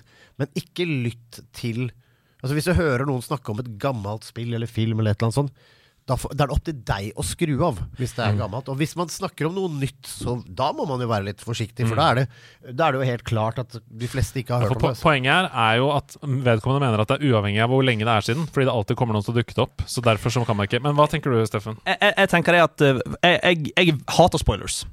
Eh, spesielt hvis ting jeg bryr meg om. Så for eksempel i podkasten på Jeg jeg hører mye på Red Crew, og dette kommer til å plutselig bli litt kritikk mot den norske spillpodkasten Red Crew. Men eh, der eh, skriver de hvilke spill de skal snakke om. Og, og da vet jeg sånn Ok, men da, vet, da har jeg en liste med hva dere skal prate om, så nå kan jeg høre på den trygt. En dag gikk jeg fra butikken, jeg hadde to svære poser. Jeg skulle hjem og spille God of War Ragnarok, så begynner fucking Jostein Hakestad med sånn Ja, helt i starten av spillet så slåss du med en bjørn, og det er jævla Jeg bare Shut the fuck up! Men ikke Fordi- bli, det er din egen skyld! Nei! Det er din egen nei, nope, nope, no, no, jeg, Hør på nei, jeg Åse Klevelands no, jazztime, da! Jeg er fullstendig uenig at det er min feil. Ikke oppsøk en spillpodkast hvis du er redd når du har bæreposer! Nope, nope, nope, nope, nope. Jeg, er helt, jeg er helt uenig. Det kommer an på hvordan de har skrevet det i eh, innholdet. I denne episoden snakker vi om dette. De bare plutselig hadde et sidespor hvor han sa i God of War så åpner en bjørn, og så, de, og så begynner Og det gjør de hele tiden. De er litt sånn der Ja, men det er ikke spoiler. Jeg syns ikke opp til deg å bestemme hva som er en spoiler eller ikke. Jeg personlig har ikke lyst til å høre om noe. Men hvis du har skrevet det tydelig i innholdsbetegnelsen der, eh, hva du skal prate om, da Da, da, trekker jeg tilbake, da tilbake alt. Men, Ja, til, men- til, til korktavlemannen vår så vil jeg bare si da er, Det er litt opp til deg, altså. Hvis du er så hårsår på spoilers, så får du se, spille og gjøre det, og så får du og se, se etter hvert. Altså, hvis du hører at noen sier liksom uh, Ja, for eksempel uh, Ja, hva blir det? et gammelt spill, da. Hvis du hører noen si Rayman på PlayStation 1, og du ikke har spilt det og tenkt å spille det, så er det opp til deg å skrive. Altså. Jeg tenker sånn Hele, hele grunnlaget for nederlandslagets podkast er å diskutere våre opplevelser med kulturuttrykket spill. Uh, da kan vi ikke snakke i overflaten om spillopplevelsen vi opplever. Men når det er sagt, så har vi aldri spoila så vidt jeg vet, et spill som er blant de siste seks månedene, liksom. Det Absolutt har vi aldri ikke. gjort. Og vi har, eh, når vi snakker om spoiler av, eh, av Chrono Trigger, som eksempel, da, som var forrige episode, så sa vi dette. Det er tidsreise i spillet. Ja. Det var det vi sa. Og, det, er Og og er der, til og med i den episoden så var du veldig god på å være sånn 'Dette er en spoiler', og så var gjestene sånn men faen, det er jo ikke en spoiler, kom an. Det der går jo Ja. greit. Men du var veldig sånn klar på at dette er en spoiler hvis du virkelig ikke vil vite noe som helst om Chrono Trigger som er 100 år gammelt. Men hadde du bæreposer i hånda og klikka i vinkel da, eller? uh, nei, da gikk det greit. Uh, men det er fordi jeg har spilt uh, Chrono Tri- Trigger. Men, eh, Nei, men jeg bare Jeg påberoper meg retten som på en måte programleder i denne podkasten og som gjester til å diskutere med mine venner, altså dere, følelser jeg får når noe stort skjer i et spill. Eh, det er viktig for at dette kulturuttrykket skal videre. Jeg ser eh, Bingerbær skriver i chatten på Twitch her Jeg leste akkurat en bok som jeg ellers aldri ville lest etter å ha hørt en podkast som gikk gjennom hele handlingen. Så lenge en angår at nå kommer det noe spoilete, så kan folk hoppe over selv. og det, Jeg- det er jeg enig i, men en warning hadde vært nice. vært en, jeg, jeg, jeg er helt enig, vi skal ikke spoile store tvister og at det og det skjer og det i det spillet. Det prøver vi så langt det lar seg gjøre, og ikke gjøre heller. Men hele eksistensgrunnlaget for nederlandslaget er å diskutere inntrykk vi eh, får. Så eh, det må jeg bare beklage. Vi kommer ikke til å ta hensyn til det. Vi kommer til å fortsette på samme linja som vi ligger på i dag. At eh, når det er så så gammelt, så kommer vi til å snakke fritt om det. Hvis du ikke ønsker det, så får du hoppe over. Ja, og, og, spoiler warning! Hvis du detter ned i de der høla i Pitfall, da, det kommer ikke til å gå bra. vet du. Det, det er ikke det du vil. Nei, men vi skal ikke gjøre narr av det heller, for jeg vet at det var flere som reagerte på Discord med tommel opp på dette. Det er flere som kjenner på det samme. Eh, Jeg bare, da, må, da må dere også vite at um, det er hele eksistensgrunnlaget for at vi skal synes det er gøy å drive med dette. Og da kan jeg anbefale programmet Schrødingers katt i opptak på NRK. Der er det ingen gamer eller Nei da, men som sagt, vi gjør ikke narr av det, altså. Vi Og så bare, og så vil jeg bare skyte inn jeg, Du er på ekte ordentlig god på å si spoiler warning. Hopp så og så lang tid. Det er mer enn nok. Det- Jeg skjønner hvis du er en Men det var jo kritikk mot å hoppe, til og med. Ja, Altså, jeg, jeg, altså, jeg, mener- jeg syns det er det, det man kan gjøre. Så jeg syns det er mer enn nok som allerede er gjort med det. Også, jeg, at, vet, du hva, jeg, må, jeg, vet hva, jeg gjør litt narr av dette. Ikke, ikke narr, det blir feil å si. Men jeg mener at det, dette er, må være mulig å kritisere. Vi diskuterer kulturuttrykk. Hvis det er nytt og ferskt og fint, og det er veldig sannsynlig at folk ikke har sett eller spilt det, så skal man være varsom. og det er vi. Og vi pleier sjelden å avsløre punches eller twister i det hele tatt. Men du, man må få diskutere det uttrykket der. Uten altså, vet du hva, Man kan ikke ta hensyn til alt heller. Nei, og det er også som eh, vi har sagt så mange ganger før, alle blir uansett ikke fornøyd. Noen hater norske spaltenter. Noen elsker det. Ikke Ingen, sant? Det er, ingen hater norske spaltenter, det er et dårlig eksempel! at vi kan Det perfekte alle ordspillet. Hvordan kan noen hate det? Vi kan ikke gjøre alle til lags.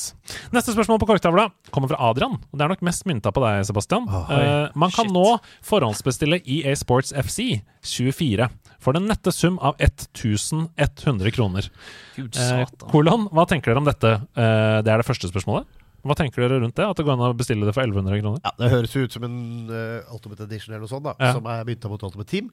Nei, altså jeg tenker at det er selvfølgelig dyrt, Ja. men uh, det er det det koster for en Ultimate Edition, på en måte. Altså jeg Markedet bestemmer, på en måte. Hvis man ikke syns det er verdt det, så ikke kjøp det, da. på en måte. Er det ikke det du sier? jo, jo altså det, det jeg vil si, er at eh, jeg er ganske 100% sikker på at det, da følger det med masse pakker og boost og bla, bla, bla. Mm. Men samme det, det er jo dyrt. Det er for eh, den game-moden. Men mer enn det, IAFC, vi vet jo ingenting om hvordan Nei.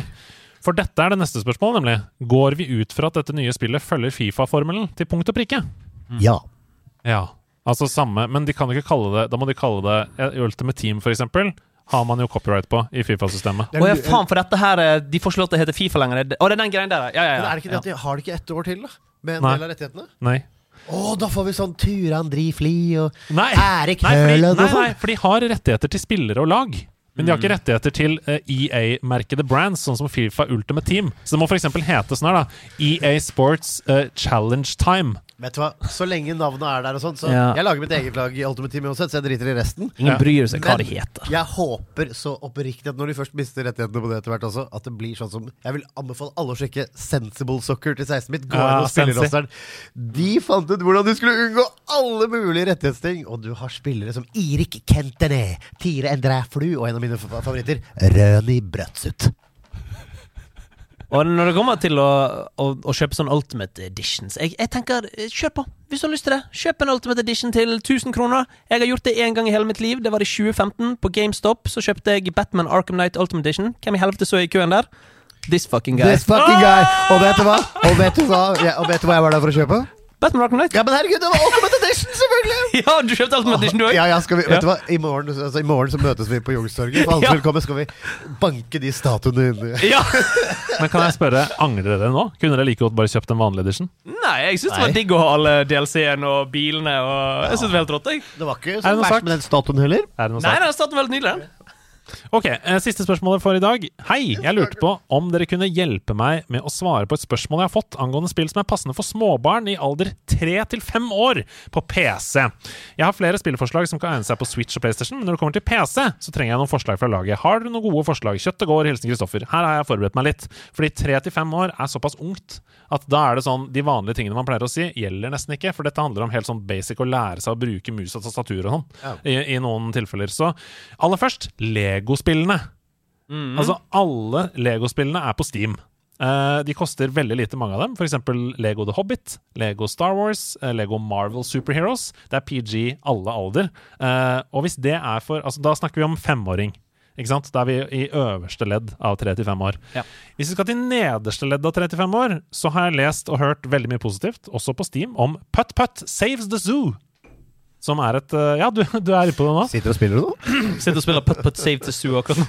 Nei, men Det er et eh, ganske gammelt spill, men det er et spill som mange små barn elsker. Spesifikt treåringer står det mye om rundt det. Eh, anmeldelser inne på Steam. Eh, av ti ligger der inne. Overveldende positivt. Det er et klassisk sånn gammelt tegneserie pek og klikk-spill, rett og slett. Fint og, for å lære å bruke mus osv. Ja. For det var det som skulle være min anbefaling. Det er alle spillene til Humongous Entertainment. Ja. Humongous er selskapet Ron Gilbert lagde etter han forlot LucasArts, som skulle være pek og klikk. Han liksom så det at eh, barn elsket å se, når foreldrene sine spilte Monkey Island. Ja. Så da lagde han Humongous Entertainment, som var pek og klikk for uh, små barn. Der uh, Putt Putt-spillene, Pajama Sam, uh, Spy Fox Og jeg tror alle de spillene må jo ligge på Steam. Så pek og klikk, Putt Putt, uh, Humongous Entertainment. uh, det er min anbefaling. Paw Patrol On a Roll anbefales av veldig mange mødre og fedre inne på discorden vår, annet eh, Sneak, som er moderator der inne. Uh, det har også veldig bra anmeldelser, ni av ti på Steam. Uh, er en perfekt plattformopplevelse for å lære seg the ropes i, i den sjangeren. Og til slutt så har jeg lyst til å slenge på Untitled Goose Game. Eh, Altså, det hadde jeg tenkt å nevne. Det er gøy. Er ikke det bra, deal? Det, fordi det er ikke noe tidspress, så du kan bare utforske, og du kan være en eh, frekk liten gås mot menneskene. Og... Ja, ja. Og så- og bare slenge på helt på tampen. eh, eh, Peppa Gris Battle Royale. Ja, perfekt. Du starter som 100 Peppa Griser. Eh, Ikke spoil, ikke spoil, ikke spoil!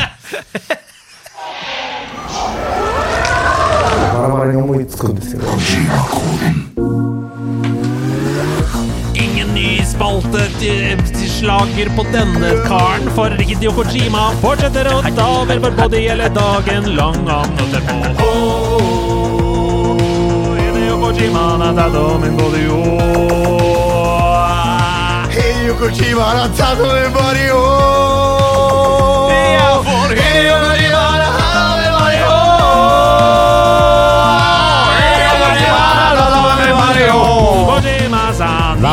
oh! En Japans lille mann. Kojima-san. Han heter Hideo Kojima, ja. Åh. Vet du hva, vi kan la den gå resten Ja, ja, ja. Japans lille mann. Japans lille mann. Nok om det. Eh, vi har snakket om dette i noen av de tidligere episodene denne sesongen, men Hidio Kojima har rett og slett vært forbanna. For når Ja. han tar over vår kropp, så kjeder han seg. Han har kjeda seg det siste året. Det må være mer intrikat, har han sagt. Kojima har fornyet seg alltid i sin spillkarriere. Absolutt. Når han har lagd nye IP-er, han har lagd nye Metal Gear Solid-spill, så har det kommet nye ting han har spådd fremtiden. Derfor er det jo sånn at når Hidio tar over vår body denne sesongen, så fornyer vi oss også. For han er jo fornyet. 100 Og jeg er jo ikke et, et fast medlem, men Hideo Kojima kakket på døren min uh, her eh, forleden dag og, og banket på og uh, entret min body på grusomt vis. Det trenger jeg ikke gå inn i detaljer på. Men absolutt Det er mørkt. Det er for mørkt. Ja, mørkt. nei, det er ikke for mørkt. Det var ikke helt greit, men absolutt grusomt horribelt syn. Men han entret min body og uh, var litt kritisk til uh, Kojima-koden som jeg hadde lagd, Ja. og ba meg altså om å lage en ny en. Ja, og jeg fikk altså en mail fra en sånn okay. diffuse Diffuse mailadresse. Ja. Det var noe sånn XY39 understrek, hvor det Ja. bare sto Jeg måtte oversette med Google Translate. Her er Steffens Kojima-kode. oh, ja, ja. Sto det. Så den skal jeg spille av nå. Jeg har ikke hørt hva dette er. Ok, Og det er jo Vi må samarbeide, da. Ja, klart. Ja, dette, og dette er spennende. For å skjønne. Jeg, jeg vet ikke Jeg lover, jeg vet ikke hva dette er. Eh, Det står noen rare bokstaver og tall her og sånn, så nå må vi bare høre. Hva, hva er dette spillet vi skal fram til her, Sebastian?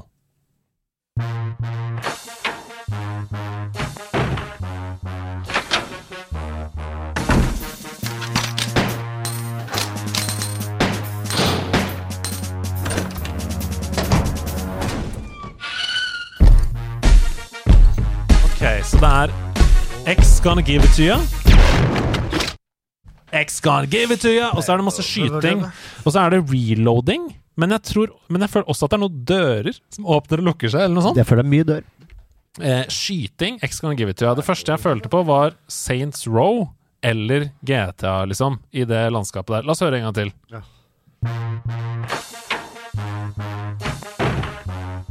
Det er på slaget. På, på åpne, lukke. På, da, åpne, lukke. X gonna give it to you. Dører som åpner seg. Er det noe ordspill her, da?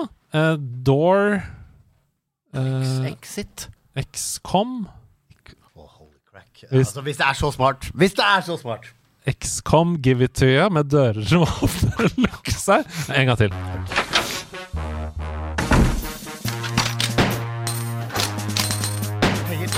Da spiller jeg et vann.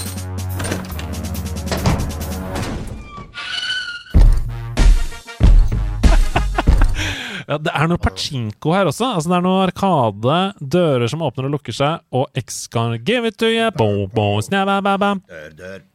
Bla, bla, bla, bla. Du må passe på Åh, dette er vanskelig. Men altså, vet du hva? Hva får du? Hva, hva får du inn i din body når jeg du hører vet ikke dette? hvorfor jeg får Madden av dette, men jeg gjør det.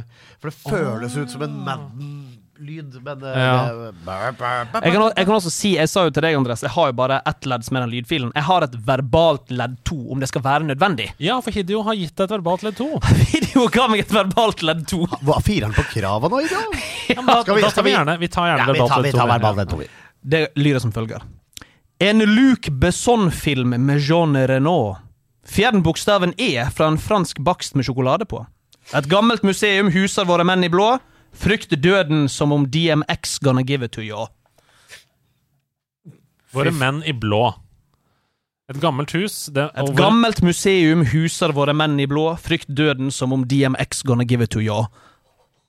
En gang til. Først er en En Besson- Luc Besson-film med Jean Renault. Stopp der. En Luc Besson-film med Jean Taxi. Renault. Taxi. Ja. Fjern bokstaven E fra en fransk bakst med sjokolade på. Da tenker jeg først croissant, men det er ikke riktig. Uh, å, hva heter sånn p- p- Eclair. Fjern bokstaven E fra en fransk bakst med sjokolade på. Er ikke det Eclair, da? Taxi Eclair. Eh, Jeg tenker på den um... oh, Hva heter det, da?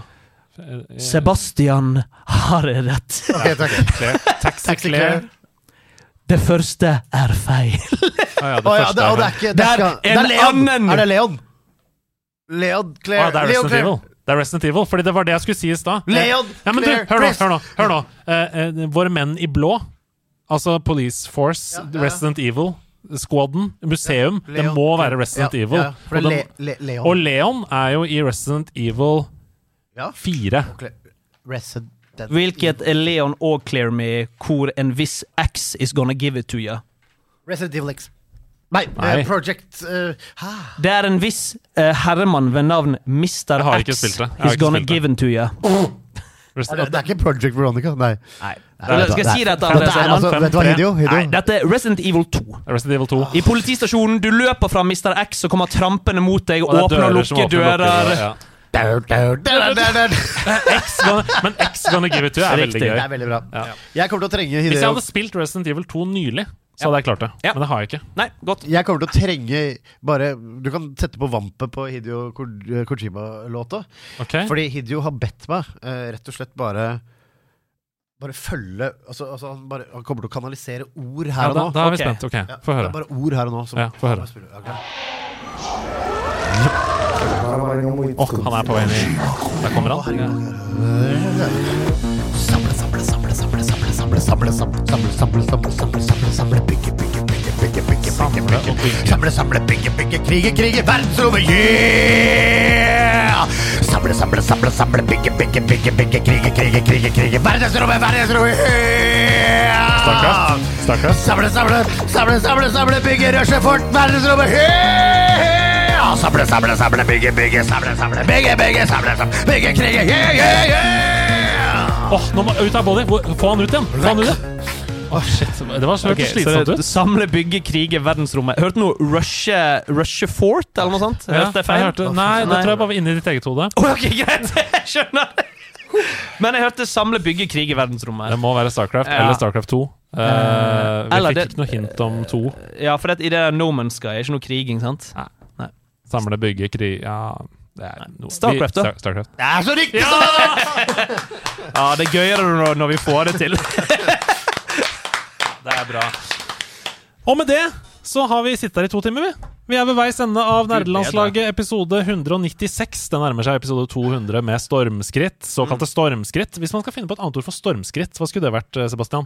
Nei, altså Det, det får være stiv kulingsbasering, det, da. Hjertelig takk til deg, Steffen Lund. Eh, absolutt. Ta- Tusen takk for at jeg fikk lov til å være her. Det er alltid en glede å ha deg i studio. Er du aktuell med noe? Er det noe vi kan få med oss av deg som du holder på med framover? Jeg så at det var noen sånne roaster-greier du har vært med på nå nylig, osv. Ja, nei, nei det, det er nok ingenting Det kommer Nei, det kan jeg ikke si. Uh, Nei, men ok. det, uh, Det er så deilig å jobbe i TV-bransjen! ja, Veldig gøy å jobbe i TV-bransjen. Uh, det er spillquiz på House of Nerds 30. august. Det er noe vi gleder oss til. så gøy! Ja, det, må 30. august. det må alle komme på. Det blir kjempegøy. Og denne gangen så er det veldig gøy, fordi folk skrev i kommentarfeltet hvilke Mhm. spill de ønska seg spørsmål fra. De første 20 de fikk runde 1, så det blir veldig variert. Det blir på en måte folkets runde. folkets runde. Men ingen spoilers. Ingen spoilers. Nei, bare, du kan gå inn og se det selv på på Instagram. Herregud, vet du hva, Jeg har kost meg så forferdelig tilbake fra sommeren. For, altså, vet du hva, Norske spaltenter altså, vet du hva, Det har vært så mye, det har vært så mye kos i of dag. Ja. Spiegeldam. Altså, herregud, altså, Håper dere som hører på, også har det gøy fortsatt. Det er sensommer, såkalt Indian summer, i det ganske land. Det betyr at vi fortsatt kan komme oss. Ja, det betyr at vi fortsatt kan komme oss over 20 grader, dere. Det er deilig, det. Jeg tar på meg speedoen jeg, og drar ned på Aker Brygge. Men først må jeg runde På Boulders. Aker Brygge! Først må jeg runde Boulders Gate 3. Når du har runda Boulders Gate, tar du med deg speed og stikker tilbake Brygge. Yes, da drar jeg på Katta, jeg, så ses vi et annet sted. Men vet du hva? La krakken kjøtte glasset, så setter vi oss og Steffen Lund og Andreas Hedemann også. Gledelig Indian summer. Vi ses i speedoen på Aker Brygge. Ha det. Ha det.